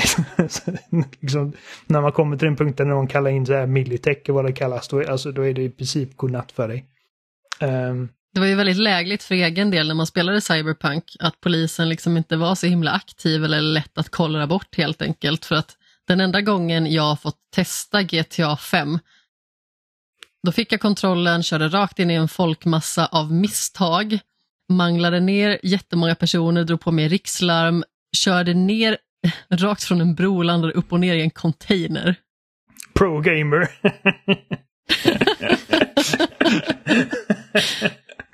Jag fick inte ha handkontrollen längre efter det. Det är kul för att min lillebror har aldrig kommit in i GTA för han säger jag tycker det är för, det är för överväldigande och svårt. Och jag bara, jag, alltså han, han har fått lära mig hur man spelar Dark Souls egentligen. För att det har, han, har, han har inga problem med det här liksom med alla de här olika statsen och olika attributen och hur de påverkar saker och ting. Men just hur det fungerar att komma undan polisen, det var för mycket för honom. Jag fattar inte det. Det är hjärnkirurgi. Men sen kan jag också tänka mig så här, typ att när det kommer till stora open world-spel att man liksom blir lite så här att jag vet inte vad jag ska göra. Det är inte typ så Ja. du känner, liksom att det blir först, så valmöjligheterna är för stora, det är bara så här, säg vad jag ska göra. Ja, jo, men precis. Det är ju det som jag ofta slås av när folk liksom eh, är så begeistrade över att har en stor värld, du får göra precis vad du vill. Och min reaktion är typ alltid, men jag vill inte göra vad jag vill. Säg åt mig vad jag ska göra. Nej. men så, så, polisen är mycket mer spännande och liksom faktiskt kräver någonting från spelaren. De, de är liksom inte bara set dressing längre utan de, de, de faktiskt fyller ett syfte. Jag tycker att liksom förändringen de har gjort, även om det är liksom överväldigande när man kommer tillbaka till spelet efter tre år och liksom de begär att okej nu ska du sätta ut de här 36 eh, skillpointsen. Som du har blivit refundad. Liksom, det tog mig, liksom, jag satt i en kvart ungefär och kollade de olika. Och Mm nu kommer jag inte jag, jag kommer inte ihåg exakt liksom specifika skills i hur det var innan. Men min initiala känsla nu är liksom att det är lite mer spännande uppgraderingar nu. eh, Mm. än vad det var förut. Och så att liksom, de har byggt om hela det systemet bara för, liksom bara för att liksom vara mer spännande och mer givande och kanske också lite mer logiskt. Ehm, och vehicle combat. Jag, jag, jag kan inte minnas att det fanns någon, något sätt liksom att, att ha strider i bilen förut. Nu kan du liksom, precis som i GTA, dra fram din pistol eller machine gun och skjuta åt alla riktningar. Um, antingen genom, liksom, som by default så är det liksom ifall du tar fram ditt vapen så kommer liksom spelet autosikta på närmsta fientliga bil eller fiende. Men det kan också manuellt sikta ifall du vill liksom skjuta ut ett däck på en polisbil som följer efter dig eller någonting. Mm. Eh, och de har också gjort så att liksom, du kan köpa bilar som har raketkastare eller liksom stora maskingevär på bilen, vilket liksom är ännu mer effektivt. Ursäkta. De har även revampat hur liksom cyberware och armor fungerar som vi nämnde lite förut. Uh, stamina. Om det är någonting jag hatar i liksom stora open world-spel är liksom att ha begränsat liksom med, med hur mycket jag kan springa. Eh, det är mindre ett problem i typ Cyberpunk än vad det är i Starfield. Eh, för att i Cyberpunk trycker du bara på höger på D-paden så kommer din bil körandes som en häst. Men ibland så hamnar man Mm. i de situationerna liksom, jag, jag, vill bara, jag behöver bara springa över den här liksom ökenslätten eller vad det är. Och nu tar sprinting ingen stamina överhuvudtaget. Det som däremot har ändrats är att, att skjuta tar stamina. Eh, vilket låter weird när man, när man tänker efter, men samtidigt liksom som, som liksom roll, roll, actionrollspel så är det liksom rätt mekaniskt rätt vettigt för att eh, ju mer du förbrukar stamina för att skjuta desto mindre accurate blir du. Så att du måste liksom du kan inte bara hålla in avtryckaren längre utan du måste vara lite mer eh, spar, inte sparsam men liksom att du, du skjuter i bursts eh, för att vara så liksom accurate som möjligt. um, du behöver inte längre släpa på 6000 sådana här inhaler för att heala dig. Det, det är liksom det är en funktion nu som, uh, som uh, refreshar liksom med tiden. Så att du använder den när du behöver den. Och så är det en liten paus och så eh, liksom eh, fylls den mätaren upp igen och så kan du använda den igen istället för att du ska ha ett inventory fullt av liksom healing items. Och det är samma med granaterna. Du behöver inte slä, slösa, liksom släppa på 36 000 granater utan det är också en sån som är på en cooldown när du använder den. Uh, vad är det mer? Uh, alltså det, det är massa sådana här små grejer som, som bara är riktigt smarta quality of life-grejer. Som egentligen inte är egentligen möjligt att få in i ett spel förrän det har liksom hamnat i händerna på spelare och man liksom under två, tre år lyssnar på den feedbacken. För att alltså, just det här med typ UI-design och sånt, det, det är jävligt komplicerad skit. Mm. Och jag vet att liksom Witcher blir också bättre med tiden på den. Jag, vet, jag kan komma på två tillfällen. Så de har gjort Ja, gud, liksom... de, gjorde också, de gjorde också lite om inventory-system och sådana grejer eh, Ja. som var jäkligt rörigt i början. Precis. Eh, så de är bra. Alltså, jag får säga, Cyberpunk är... Det är en jävligt kul... Men de, de, alltså, man ska inte liksom sticka under stolen med att det var en jävligt dålig, dåligt skött launch. Men det, det här... det spelet var ju inte klart. Nej. Eh, men alltså det, detta är verkligen, jag skulle säga liksom att det här är en riktig så här, comeback story. För det här spelet är i dagsläget jag tyckte det var bra även då, men alltså men nu med liksom de här mindre men viktiga liksom pusselbitarna när man hamnar på plats liksom som, som bara stärker helt, eh, helhetsintrycket så mycket. Eh, jag menar Cyberpunk 2077, det, det är liksom inte det bästa spelet som har gjorts. Uh, inte mitt favoritspel, men det är nog ta mig fan det coolaste spelet som någonsin gjorts. Liksom allting med det är coolt. Uh, och det, det är också liksom eh, så lätt att peka på de här grejerna när man går och hoppar mellan Starfield och detta, som är liksom två, igen, inte, inte liksom helt jämförbara, men ändå liksom snarlika spelupplevelser. Och hur mycket, hur mycket mer tid och energi och engagemang liksom som de har investerat i bara presentationen i det här spelet. Alltså Night Jag City... kan ju tänka mig att Starfield känns väldigt statiskt i jämförelse. Ja, jo men det är det. Absolut. Jag är faktiskt sugen på att spela expansionen sen för att jag spelade Cyberpunk på Xbox One. Ja, gud. Ja. Jag spelade på Playstation 4. Så att jag är liksom, jag, jag kommer aldrig glömma när jag startade spelet och bara, fan vad suddigt det är. Ja, nej. Det, det, det är fortfarande liksom att okej, okay, bilduppdateringen är inte perfekt smooth. Den, liksom, men alltså, jävlar vad snyggt det spelet är egentligen. Um, och nu när de har raytracing och skit i. Ja, det kan jag tänka mig. Känns, känns staden mer levande nu? För att det vet jag att på Xbox One så var det verkligen så här att En här är den här- spökstad. här är Night City och det är typ fem NPC framför mig nu. Ja, ja På absolut. den här. Absolut. Ja, ja, det känns mycket mer levande. Ja, men det är synd för att egentligen så tyckte jag också att Cyberpunk var ett bra spel. Mm. Men det var ju liksom så himla mycket problematik som kom med spelet som var väldigt svår att se förbi. Ja, ja, men precis. Det var inte en bra launch. Det, liksom, det, var, det var alltså inte bara ofärdigt liksom i vissa avseenden, alltså smått trasigt liksom. Och eh, det är nästan så att när jag spelar detta nu och är liksom så imponerad av liksom även liksom de små, jag har inte suttit och gjort några stora uppdrag eller så liksom, utan jag har bara åkt runt och gjort sådana här skituppdrag och ändå sitter jag bara, fan vad imponerande det här spelet är egentligen. Och det, så att det är nästan så att jag önskar att jag inte hade spelat det förrän nu. Men det, det är ju lätt att vara efterklok. Kunde inte, hade de sagt liksom att ja, hösten 2023 så kommer det här vara liksom, det, det är då det här spelet. Ifall det hade varit i early access från 2020 och det hade gått in liksom i full release nu, då hade jag kanske väntat. Men, men det kunde man, kunde man inte veta då. Uh, ja, nej. Nej, det är svårt att jag, veta. Jag, jag, men, jag har bokat expansionen så att jag är faktiskt jag är faktiskt jävligt pepp på att spela mer Cyberpunk. Uh, vilket jag inte trodde för två veckor Mm. sedan. Ja, nej, men kul. Eh, men innan vi ska quizza lite så eh, Oliver, du har ju också spelat Bloodborne 2. Eller Mhm. som det kallas i folkmun, Lies of P. Det har väl du också gjort? Ja, det har jag. Men jag la upp det för att du skulle förklara vad Lies Ja, of P är för Lies of, ja, men ja, det, det, är- det är konstigt. Alltså det, det är typ Bloodborne 2 ifall det inte var gjort av från Software.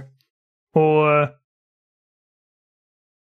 Alltså vi har ju sett liksom flera riktiga så här liksom Dark Souls imitatörer. Och av dem, alltså jag menar typ Lords of the Fallen och liksom, och av de spelen så skulle jag säga att det här är alltså det tveklöst bästa av dem. Alltså utan utan problem. Och då menar jag inte spel som har inspirerats av Dark Souls som typ Jedi Fallen Order liksom. Alltså, eh, det finns så många spel som har inspirerats av vad Dark Souls gör, men eh, den här typen av spel som verkligen är liksom helt ogenerat, en rak liksom kopia.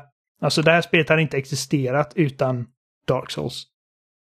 Eh, Mm. och jag tror till och med de, de använder Soulsborne eller Souls-like för att beskriva sitt eget spel på deras egna hemsida. De vet liksom, alltså Mm. det, och det, det är tydligt från minut ett att detta är, det, detta är ett spel gjort av en jävla massa människor som har spelat en jävla massa från software-spel.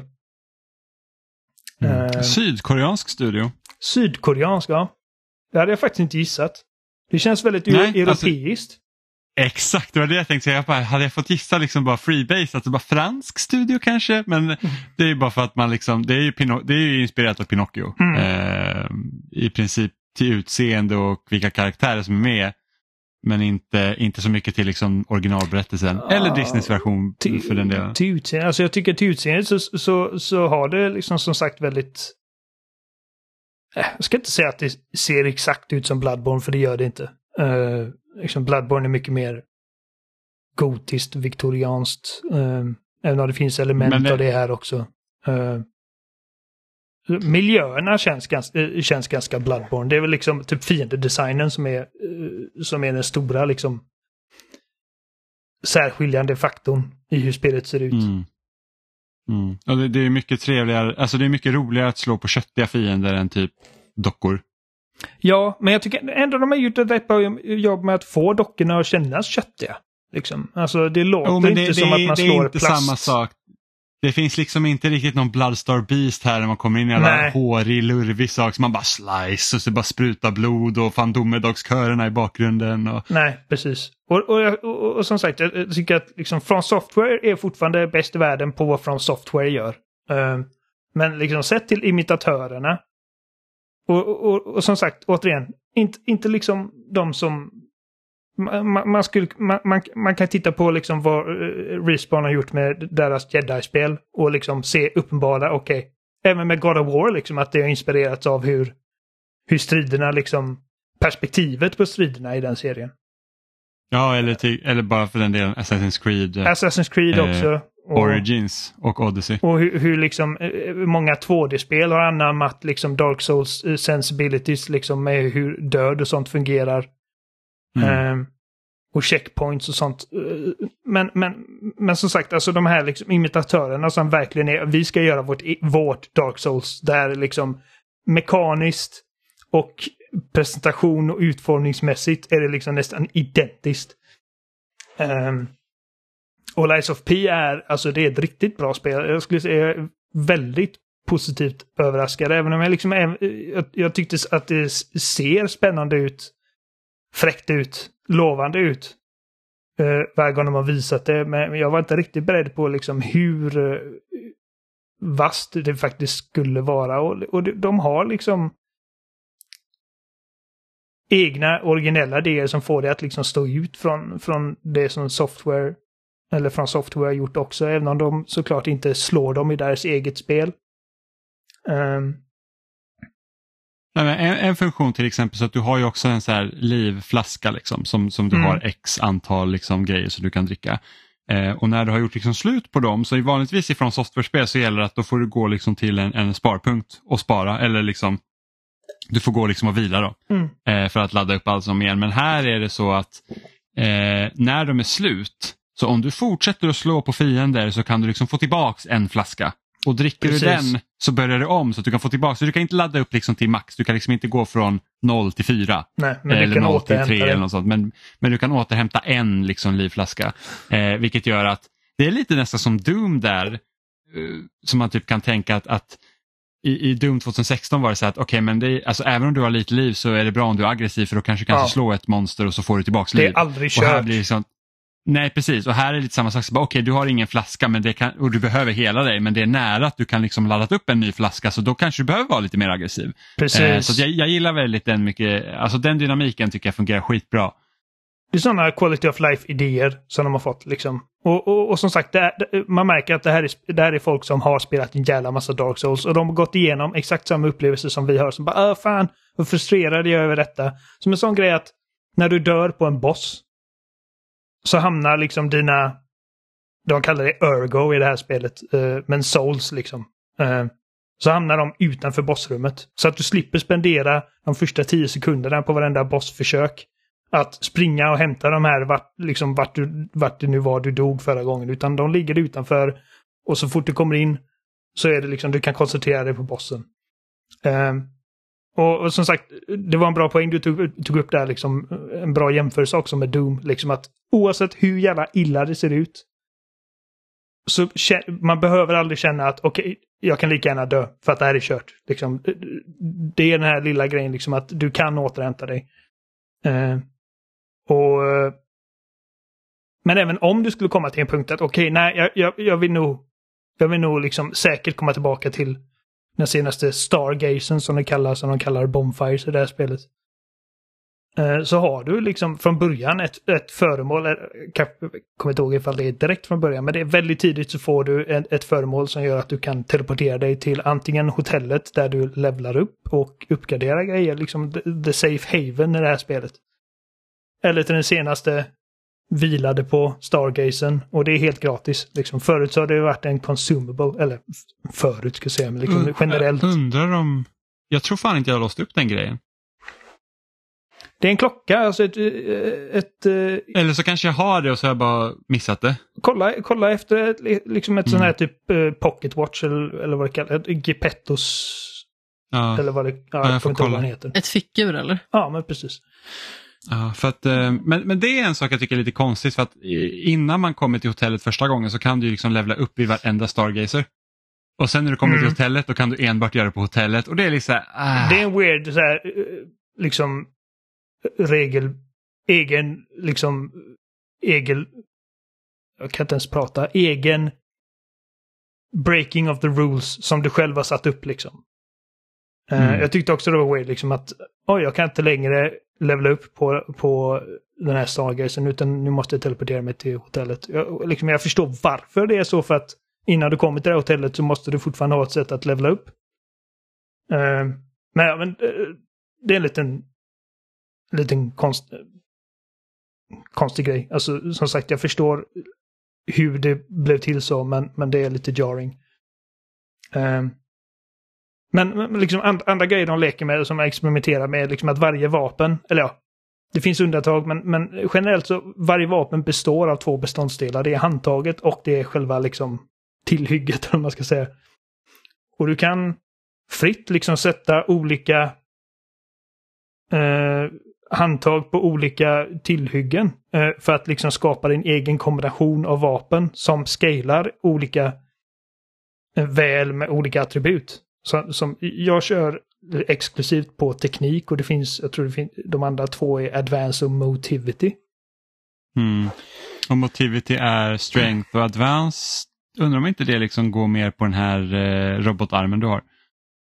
Ja, jag, jag vet inte, jag, jag, har inte läst upp på vad, liksom, vad, vad tanken bakom liksom, de här ordbesluten är. Men liksom, för mig, så teknik, när jag, när jag kör Dark Souls-spelen så brukar jag liksom eh, luta mot dexterity, liksom mer eh, snabbare vapen snarare än de här jättebauta-grejerna. Och teknik är väl typ det här spels motsvarighet antar jag. Liksom man börjar med en rapier. Um, jag tycker det är jättejobbigt att säga det ordet, rapier. Rapir på svenska tror jag. Rapir på svenska, ja, men, men jag, tror, alltså, jag tror man säger så på engelska, rapier. Um, jag kan inte säga vad men, man säger. Eh, det vill jag minnas också, det är ju ett sånt sorts svärd som Marth har också. Ja, men det är liksom generellt, alltså eh, den, det, den sortens svärd som man liksom petar folk med snarare än skär med. Mm. Ett, ett sånt som Zorro hade använt. Precis, alltså fäktning och... Ett spetsarsvärd. Yes. Um... Ja, nej, och, och, och, så att liksom vapnen är inte helt olikt hur det var i Bloodborne också. Liksom I Bloodborne så hade alla vapen två olika, liksom, eh, ska man säga, mekaniska lägen. Vilket var jävligt coolt. Uh, så här erbjuds också någon form liksom att, liksom, att du kan sätta ihop dina egna varianter på olika vapen och du kan också reinforca handtagen för att bättre scala med, med, med liksom olika attribut.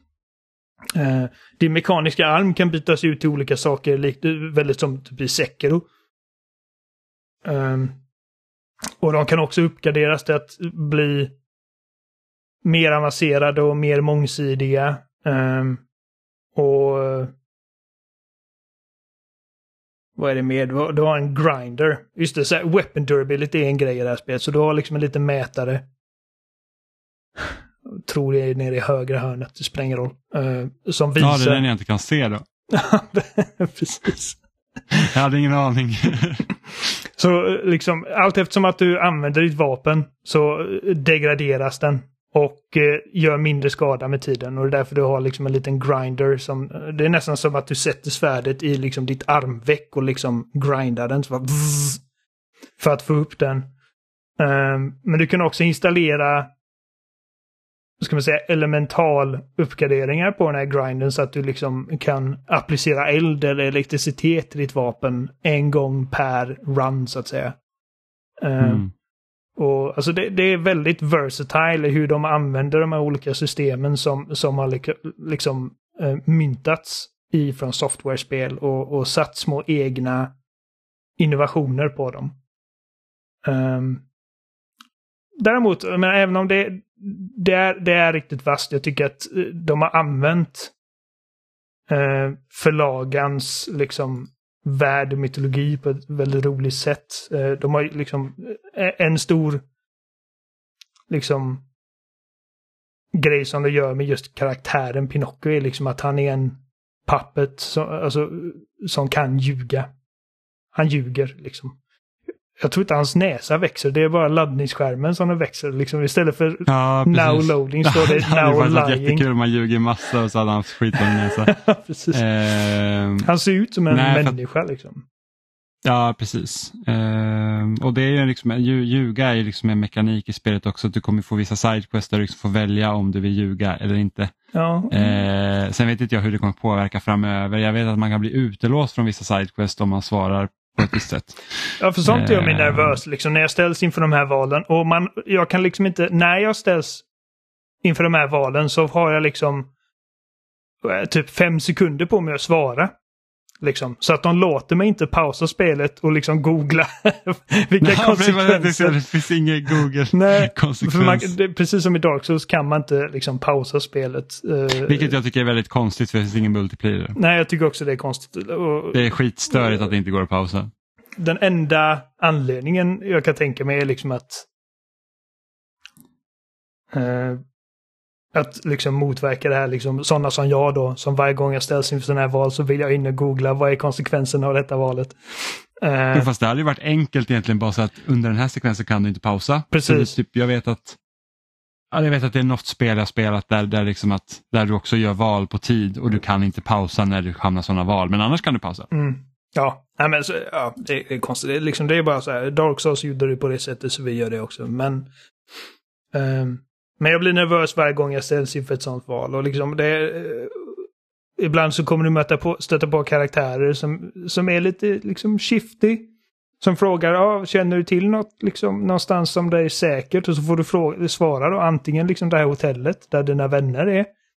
Eller ljuga liksom och, och skicka dem någonstans som är jättefarligt. Och när jag ställs inför den typen av val så får jag liksom PTSD-flashbacks till när jag bjöd hem någon snubbe i Bloodborne som åt upp alla. så nästa, nästa gång jag kom till den här, liksom, den här katedralen så var det massa som var, helt, som var dödade. Liksom. Det var ett jävla blodbad. Um, Det är väl samma sak i Demon Souls också.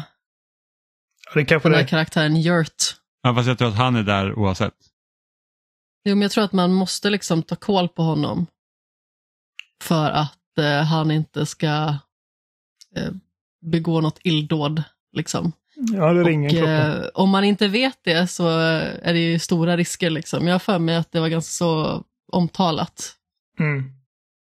Mm. Ja, man ska inte lita på någon av de här spelen. Jag kommer Nej. aldrig glömma den lilla damen i Elden Ring. Så bara låt mig ge dig en kram och sen blir man sjuk. och jag gick runt med den jävla sjukdomen så jag bara, jag fattar inte vad det här är för någonting. Och sen så bara, aha. Ja, det är tur att det går att lösa i alla fall. Ja, Men- sen när man vet om det. Men ja, så, så, så, Elden ring klamydia. ja. vi som har spelat Dark Souls, vi vet liksom att sådana här, såna här beslut kan bita en i röven. Och ingenting hemskt har hänt än, men jag sitter liksom och tänker, okej, vad är vad är grejen med detta liksom? För att det, spelet, spelet heter Lies of P. Uh, de gör liksom en väldigt stor grej av att Pinocchio är en puppet som, som är väldigt lifelike och till skillnad från andra puppets kan ljuga. Han har ka- kapaciteten Mm, för det. Ja, så behöv, jag tror att de här, det finns de här fyra reglerna för robotar. Och det är liksom det här med att få inte ljuga, få inte skada en annan människa. Eh, Måste lyda människor. Ja, må, måste lyda och sen typ göra, göra goda saker så att säga. mm. Eh, och jag tror att Pinocchio kan göra allt. Alltså Pinocchio är så pass lika en människa att liksom han kan göra allt som en människa. Ja, men han, Eh. han är ju som en människa liksom. Och, Ja. Och, Och, och det som egentligen storyn går ut på här det är det att Geppetto är ju den som har liksom typ designat, alltså han, det är typ tack vare honom samhället ser ut som det gör. Han har designat alla liksom här mekaniska delarna som går, ingår i pappet. Men något har hänt så att alla puppets har liksom, ja, de kallar det The Puppet slim. Frenzy. Eh, ja precis, så att de, de liksom börjar attackera människor så att i den här staden har det blivit då ett värsta blodbadet och eh, Pinocchio är den enda som inte verkar vara påverkad av det här. Eh, vilket gör att det är därför man är Pinocchio då, så ska, eller jag vet inte, man spelar som Pinocchio, jag bara gissar det. Eh, jo, men eh, Geppetto kallar liksom- dig din son. Och, liksom, Ja, men han har inte kallat dig Pinocchio. och, och hans Eh, näsa växer i mellansekvenser. I mellansekvensen. Nej, jag säga i laddningsskärmarna. Så, Ja. Eh, jag, jag tycker det är en intressant, det- liksom, eh, ska man säga, adaptation på en väldigt, liksom, folkkär och liksom välkänd berättelse. Ehm, och jag är Ja. intresserad av att liksom ta, för mycket av storyn går egentligen ut på att Pinocchio liksom ska, eller Pi. Hur fan kunde de, de hans hjärta kallas för Pi-organ. Vad tänkte de där? Ja. ja, men har du sett hur hjärtat ser ut då? Det, ja, det, ja, det, det är, en, Ah, typ okej. ett klockverk inuti. Ja. Eh, Ehm, ja men det, nej men alltså det är väl också en grej som är annorlunda i det här jämfört med från software-spelen att storyn är ju inte så diffus att du liksom bara säger att what? nej, men Utan ändå du kan inte. följa Den med inte, ganska bra. den är inte så liksom typ straightforward som, som man ser i eh, de flesta liksom tv-spelstories. Alltså det är fortfarande ganska liksom att karaktärer pratar på väldigt ehm, Jo men, jo men det gör de, men det går fortfarande att hänga med.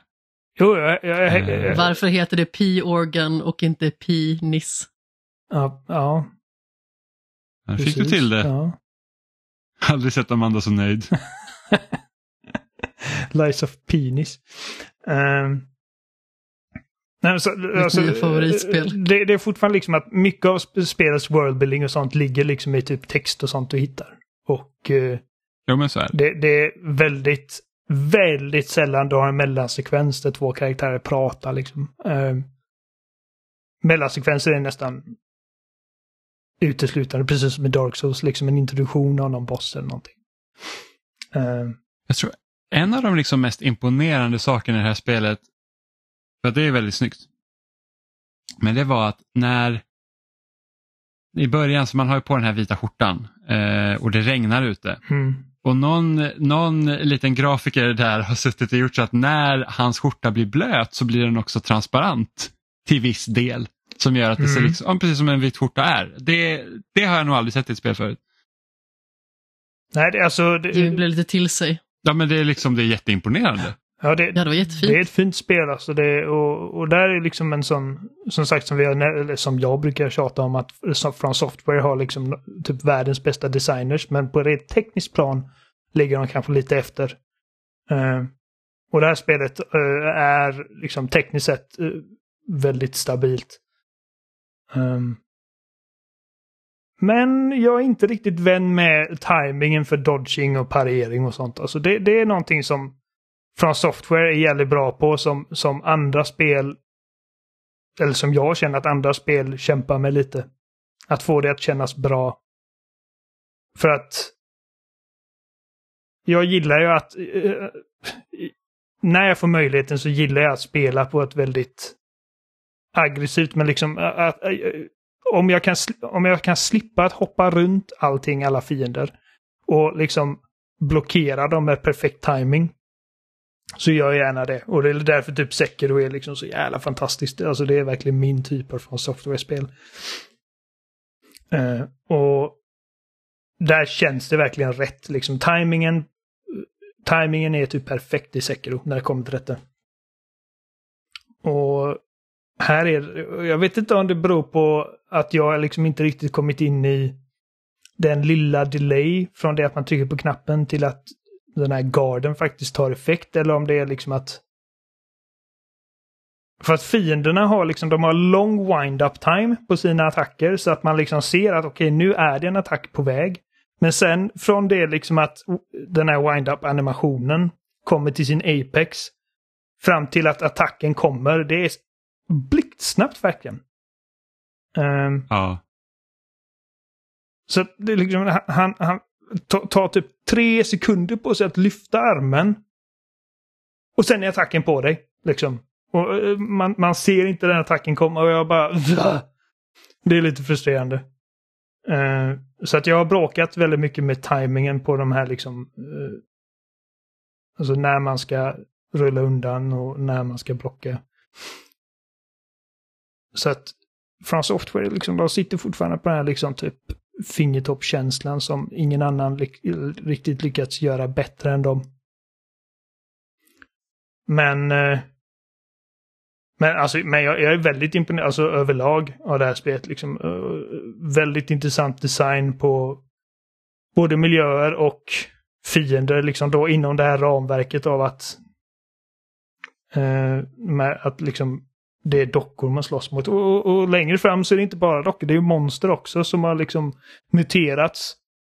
Eh, från någon sorts sjukdom som härjat också. Och det är... Ja, nej, det är... Bra spel, riktigt bra spel. Ja, alltså det är verkligen, På Game Pass dag ett också ja, verkligen mycket bättre än vad jag trodde det skulle vara. Efter att jag testade demot så var jag så här, jag bara, äh, det här, det, det tror inte jag blir något för mig. Och sen så fick det så bra betyg, jag tänkte man kan ju testa och jag vet inte, någonting gjorde de så att det kändes mycket bättre. Ja, jag vet alltså det... Så jag har testat liksom som, som Lords of the Fallen och The Surge och, och de här liksom andra så här rena Dark Souls-utmanarna. Eh, men det här är första gången som den här typen av spel faktiskt känns som att okej, det här är liksom inte en billig imitation. Även om det är en imitation så är det inte en billig imitation liksom. Ska du spela Lords of the Fallen när det kommer? Nej, jag tror inte det. För det har jag också fått väldigt bra på previews i alla fall.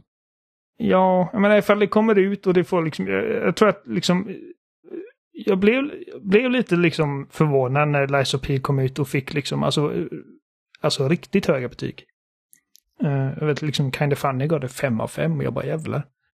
Uh, så att Ja, jag vet inte ifall Lords of the Fallen eller Lord eller Lord, The Lord, jag kommer inte ihåg vad. Jag vet, jag vet, jag vet inte, det, det, heter typ nästan exakt samma som första spelet. Så någonting ja. heter det. Typ att de la till äh, första spelet, The eller någonting. För, ja, första, eller bytte de inte titel också? Det hette någonting som redan var likt och sen så bytte de det. Eller något, jag minns inte. Jag första spelet var ju typ Dark Souls om det hade sett ut som Gears of War. Det var jättestora liksom, muskelknuttiga ja, som så. liksom ja, rullade precis. runt. Jag, bara, jag kommer ja, inte ihåg inte att, inte att det var Gears. Ja, uh, jo då, jag bara... jo, men väldigt uh, biffiga gubbar. Ja, nej. Uh, mm. Jag menar, det jag har sett av det och, och det får, får, jag säga om SOP, liksom att när jag såg det första, första trailern, jag bara, ja, men det här ser bra ut. Och, och Lords of the Fallen har inte riktigt väckt samma omedelbara intresse från mig. Men liksom om det kommer ut och får liksom typ nior då kommer jag ju liksom känna mig nästan tvungen att ge det en chans i alla fall. Um, men jag håller inte andan för det spelet. Ja, vi får se helt enkelt. Ja. Uh, det har blivit dags för quiz. Och om inte jag minns helt fel så är det du Oliver som ska ställa frågorna den här veckan. Är det jag? Ja, det är det. Åh oh, nej. Har du glömt att fixa frågor? Nej, jag skojar bara. Jag har frågor. Okej. Okay. Vad synd. Hade velat... Måste bli ägd. uh, oh, men det är jag. Ska vi se. Ställningen Amanda 10, Jimmy 9, Oliver 13. Så nu har ni chansen att, uh, att komma på första plats här nu. Ja, för tydligen gjorde jag ju så lätta frågor förra veckan. Jag uh, känner att jag har gjort mina lättaste frågor hittills. Men jag kände också förra gången att jag gjorde rätt lätta frågor. Och det, och det, är det som är grejen liksom. Alltså jag... Det här är en regel som jag har satt upp för mig själv när, när det kommer till att skriva de här frågorna är att jag skriver inte frågor som jag inte hade vetat själv. Jag känner liksom att det är ett bra... Uh, det är en bra måttstock för liksom rättvisa. Liksom jag hade kunnat googla fram de mest diffusa frågorna utan liksom alla, svaret på alla de här frågorna. Hade någon av er ställt de här frågorna till mig förra veckan så hade jag kunnat de här.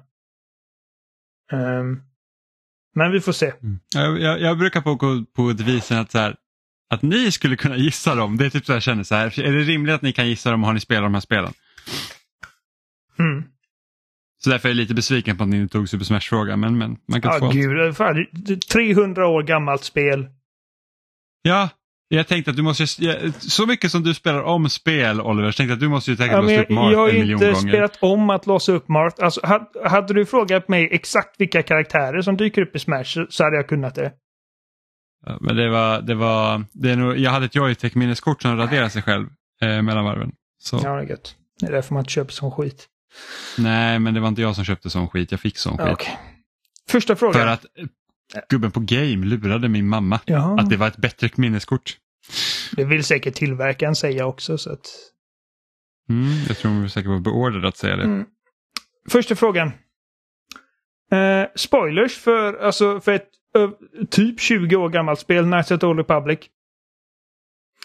Eh, men i det spelets stora twist så, så får, får man reda på att den karaktären som du har skapat visar sig vara den skurken som, som alla snackat om genom hela spelet.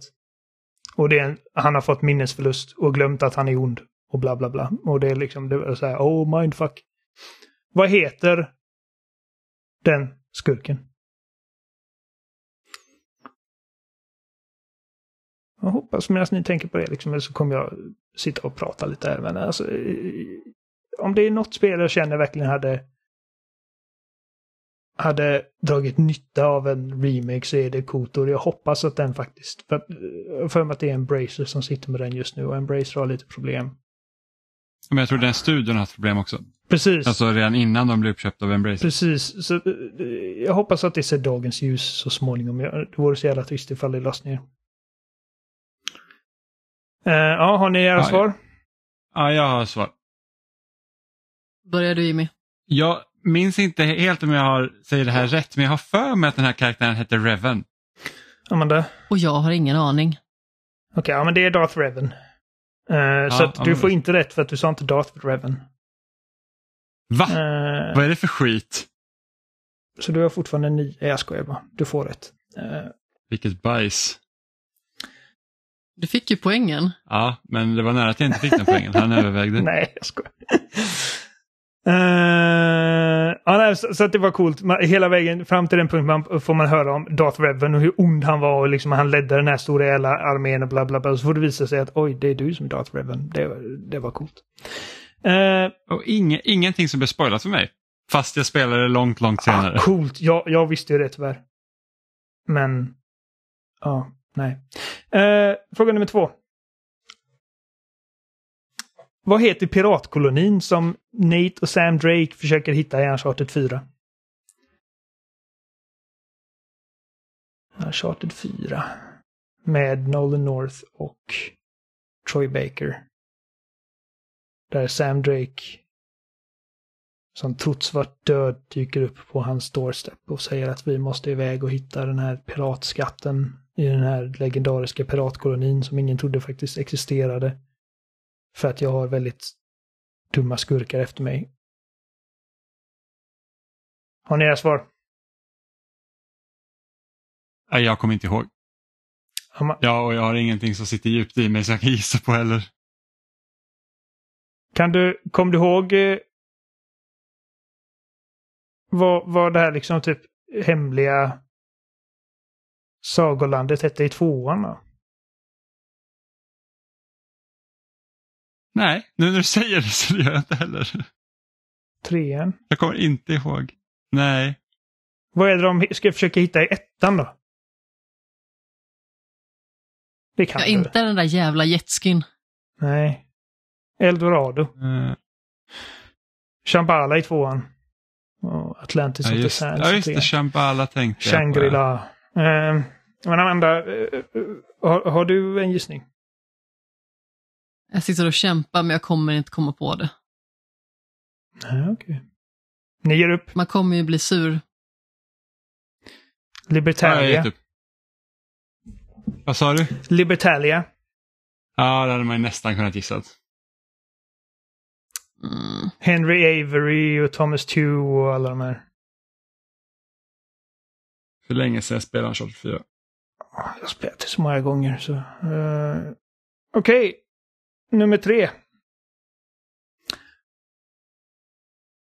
Det är inte, alltså, att säga att Oscarsvinnande visionären Guillermo del Toro har haft otur när det kommer till hans spelsatsningar är lite i underkant. Nu senaste var ju hans eh, planerade samarbete med Norman Reedus och Hideo Kojima för att göra Silent Hills-rebooten som vi såg väldigt mycket fram emot och som vi fortfarande sörjer när vi tänker på den. Eh, och efter det så sa han i en intervju att jag, jag kommer aldrig försöka göra ett spel igen. Sen dess har han i alla fall fått vara med och liksom lånat ut sitt utseende till en karaktär. Men inte skådespelat för att det är en annan skådis som gör rösten till honom. Han fick vara med i Death Stranding. Men vad hette det THQ-spel, skräckspelet? Som han först var kopplad till, som sen lades ner när THQ gick i graven. De lättaste frågorna hittills. Det var ju... Gud, jag minns, jag minns ju det här. Ja, det var ju jättestora skriverier när det liksom...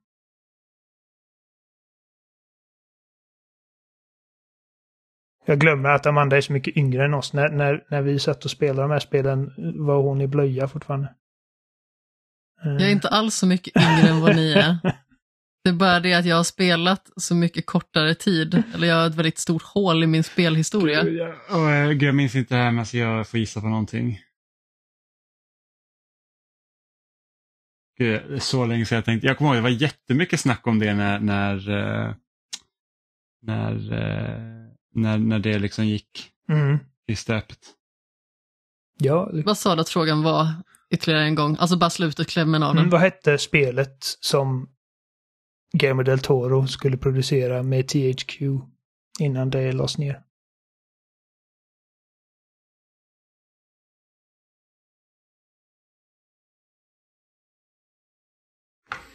Tyckte det lät jävligt coolt när det utannonserades.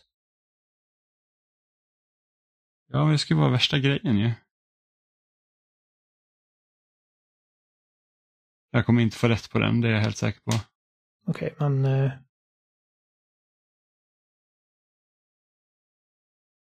Vill ni ha svaret?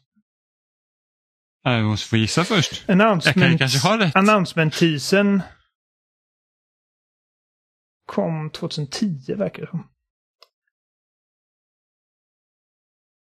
Och det var, det verkade skulle släppas 2013. Skulle komma till PS3 och Xbox 360. Ja, Jag har ett svar, eller jag har en gissning. Under utveckling Alltså- av Volition.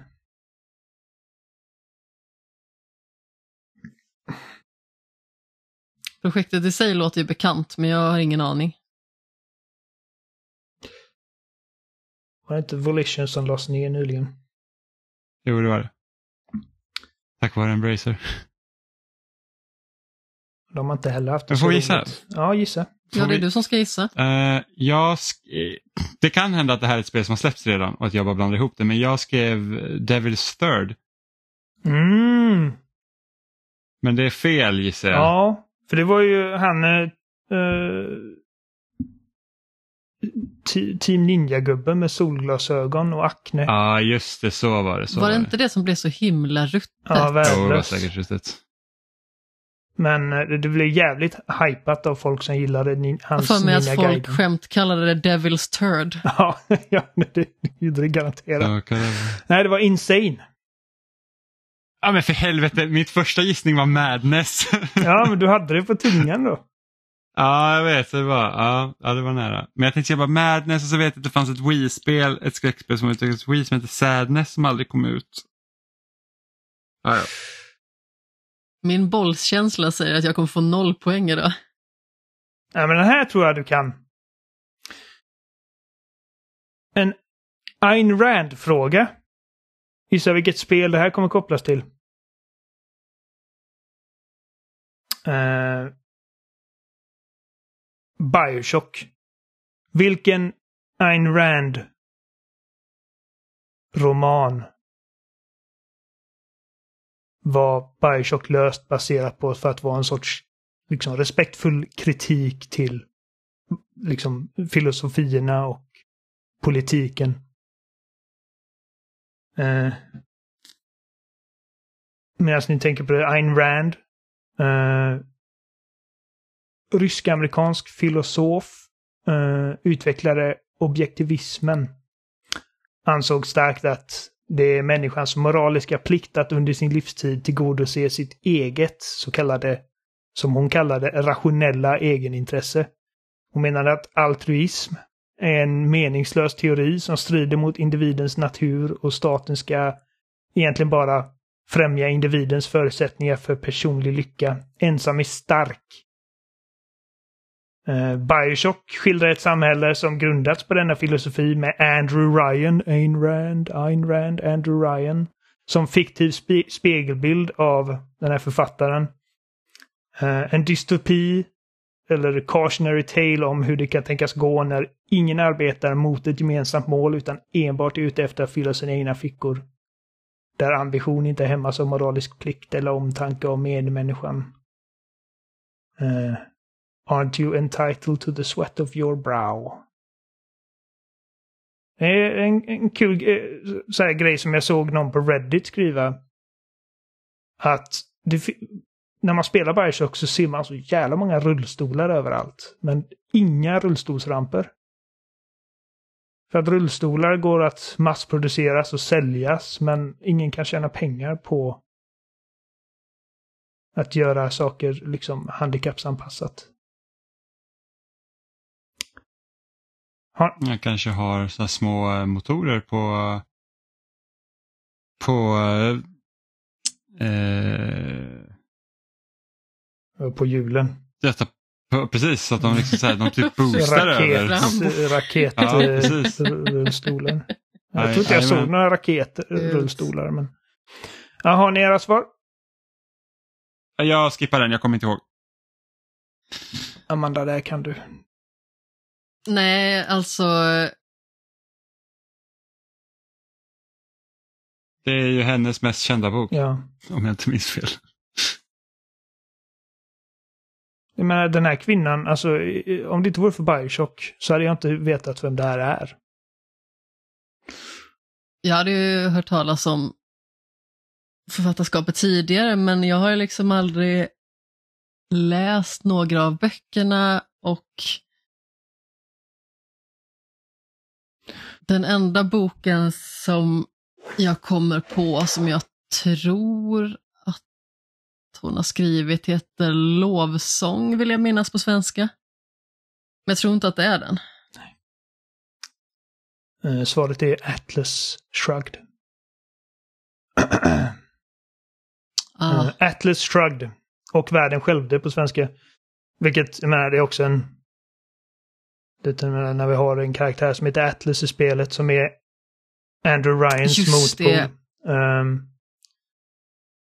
det största politiska, eller inte politiska, det var ju Sofia Lamb, men uh, hans största pain in the ass för att han var lite mer åt kommunisthållet. En sån här liksom man of the people medan Andrew Ryan var verkligen hård kommunist, eller hård kapitalist, precis som Ayn Rand var. Och hon, hon växte upp i Ryssland uh, och såg liksom den värsta effekten av liksom hård kommunism. Ehm, och var en stark motståndare för det, liksom särskilt när hon flyttade till USA. Men i USA var hon väldigt eh, kritiserad, för, eller var väldigt kontroversiell för hennes liksom absoluta eh, liksom eh, vad fan heter det? Ateistiska eh, livs eh, överskådning. hon var ateist. Ja, hon, var, hon, var, hon var ateist helt enkelt. Liksom hela grejen med objektivism är liksom att det finns en objektiv verklighet. Eh, och det enda som spelar någon roll är liksom vad som kan eh, som, vad, vad som kan empiriskt bevisas. Eh, så att kapitalist och verkligen så här liksom att eh, liksom, ingenting, liksom, alltså allting handlar om liksom vad jag, jag skapar min egen lycka. Och eh, det spelar ingen roll hur många människor jag trampar på för att åstadkomma. Om alla människor är liksom vargar som sliter varandra i stycken så hade samhället sett bättre ut. Och eh, som sagt, Bioshock är liksom en, en respektfull kritik av det begreppet. För liksom Rapture var ju inte direkt en utopi redan innan det blev fullt av Spicers och, och Big Daddies. Det var ju liksom eh, ganska up redan är, innan. det, är svårt, det är svårt att göra ett eh, samhälle där ingen vill göra skitgörat. Nej, precis. Ingen vill ha skitgörat och alla tänker bara på sig själva och liksom sin egen lycka och sin egen framgång. Mm, sista frågan nu. Eh, I Alien Isolation får vi spela Ellen Ripleys dotter Amanda Ripley. Eh, och eh, det går tydligen i arv att bli jagad av xenomorfer på rymdstationer. Vad heter rymdstationen i Alien Isolation? ah, ytterligare ett spel jag inte har spelat. Vad kul. Det har vi spelat det. Nej, Nej, jag har för mig att du berättade om eh, att du typ spelade Inte har en spelat det, kvart och precis. bara skit ner dig. Nej, jag har inte spelat någonting av det. Ah, Bioshock har du spelat. Uncharted Ah, har ja. du spelat. Jo, jo, men det har ju varit flera andra. Rent historiskt. Som har varit väldigt svåra nötter att knäcka. Ingen har spelat Insane. Tyvärr. Jag har fan inget minne av det heller. Jag gissar på någonting. Tänk någonting som låter typ lite så här östeuropeiskt.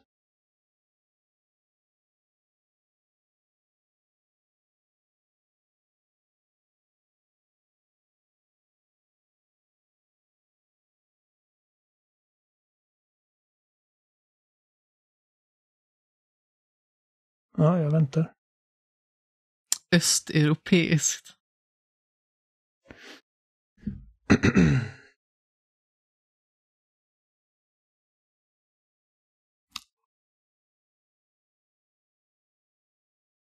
Okej, det kanske inte är så östeuropeiskt.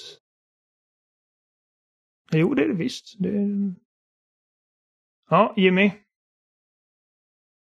Eh, Okej, jag gissar jag kan lika bra förknippa det här, eller jag kan lika bra ha blandat ihop det här med typ en stad i PubG. Eh, men jag gissar på Sevastopol. Och det är rätt! Va, seriöst? Jajamän! Ja, det kändes som en, det kändes som en riktig chansning.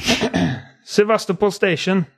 Ja, det här kanske var eh, den svåraste hittills. Jag f- Jag fick lika många rätt den här veckan som förra. Ja, men då så. Jag fick det sämsta resultatet någonsin. Grattis till mig. Eh, Det måste ju krävas någon till det med. Den första jag, eh, frågan jag eh, skrev, men som jag skrotade var eh, vad heter energidrickan i Sunset Overdrive som gör alla till muterade monster? Men hette inte den typ Hette inte den typ Overdrive eller någonting sånt? Den heter Overcharge. Overcharge, ja men det var fan nära. Ja, ja det var den. Men jag tänkte, äh. Jag vet inte, jag tror inte Amanda har spelat Sunset Overdrive. Näpp. Nej.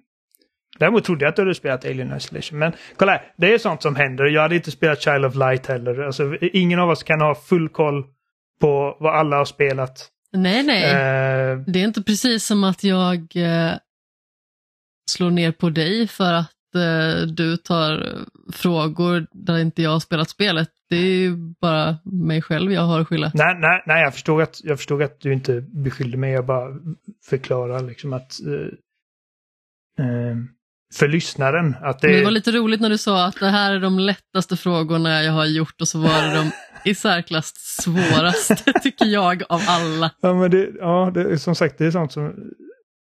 Det är, svår, det är svårt. Eh, för att... Jag hade kunnat de här. men jag tänkte... Alltså, särskilt det med eh, Ayn Rand-grejen tänkte jag liksom att det här, det här är en Amanda-fråga. Liksom. Hon gillar så här liksom eh, litteratur och Amanda gillar kultur. kultur och ja, precis lite historia och...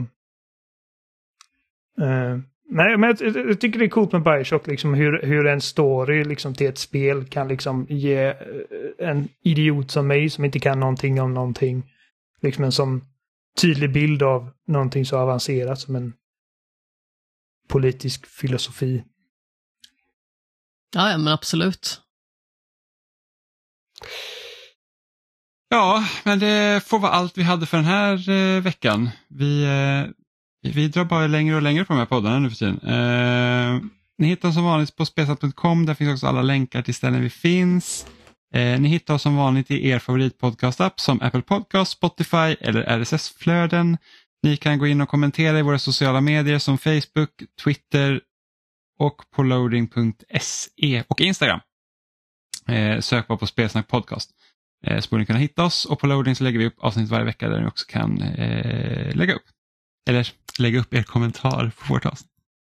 Eh, de har ju grejer att man kan kommentera avsnitt också på Spotify. Som jag inte riktigt, Oj. det finns någon så här typ, typ så här, ehm, ja men så här, vad tyckte du om avsnittet som typ är på by default och sen har jag försökt liksom sätta dit polls Eh, på avsnitten också, typ så här, ah, vad tyckte du om det här spelet eller vad hade du valt av det här? Men de dyker liksom inte upp av någon anledning, jag vet inte varför. Så jag har inte liksom undersökt det mer men det, ni kan gå in och skriva på Spotify också. Eh, missa inte nu när vi streamar spel från 11 till 11 på lördag, alltså den 30 september. Eh, och det kommer vi göra på vår eh, Youtube-kanal som är Spelsnack Podcast. Där kan ni också hitta alla våra poddar. Eh, och titta på tidigare streams. Jäkligt synd att vi, när vi hade 10-årsstreamen så, Allt så streamade vi typ i 14 timmar och så, så liksom det visste inte vi då men Youtube har liksom en sån här grej att de har en gräns på 12 timmar så du kan inte ha liksom en stream som är längre än det eh, som den arkiverar då. Och eh, så vi förlorar de sista timmarna. Så det var lite synd. Men eh, där finns det i alla fall de senaste när vi har gjort typ så här årets spelstreamer och sånt. Så det kan ni gå och titta på. Men vi kommer också köra livepodd klockan 17 på, eh, Lördag. på lördag. Så om ni vill, om ni vill liksom vara med och ställa frågor eller någonting medan vi poddar så kan ni göra det. Ja. Maila till oss också gärna på kontaktaspelsnack.com eller byt ut kontakt mot något av våra förnamn spelsnack.com. Jag glömde göra eh, quizgängen. Så Johan får klippa in detta. Quiz. Till innan. till innan. Sätta på ett litet komp på det också. det var ju så fult när man typ spelade keyboard. Jag, jag tog lektioner liksom när jag gick i grundskolan. Eh, och då fanns det så här komp som man liksom kunde spela till då, liksom en, en, en liten så här bit. Mm. Och så, bara, så fanns det olika komp, bara komp 36 och så ska man spela. Ja men typ. Eh, men vi hörs igen på lördag och om ni inte vill titta så hörs vi igen nästa onsdag. Hej då! Puss i.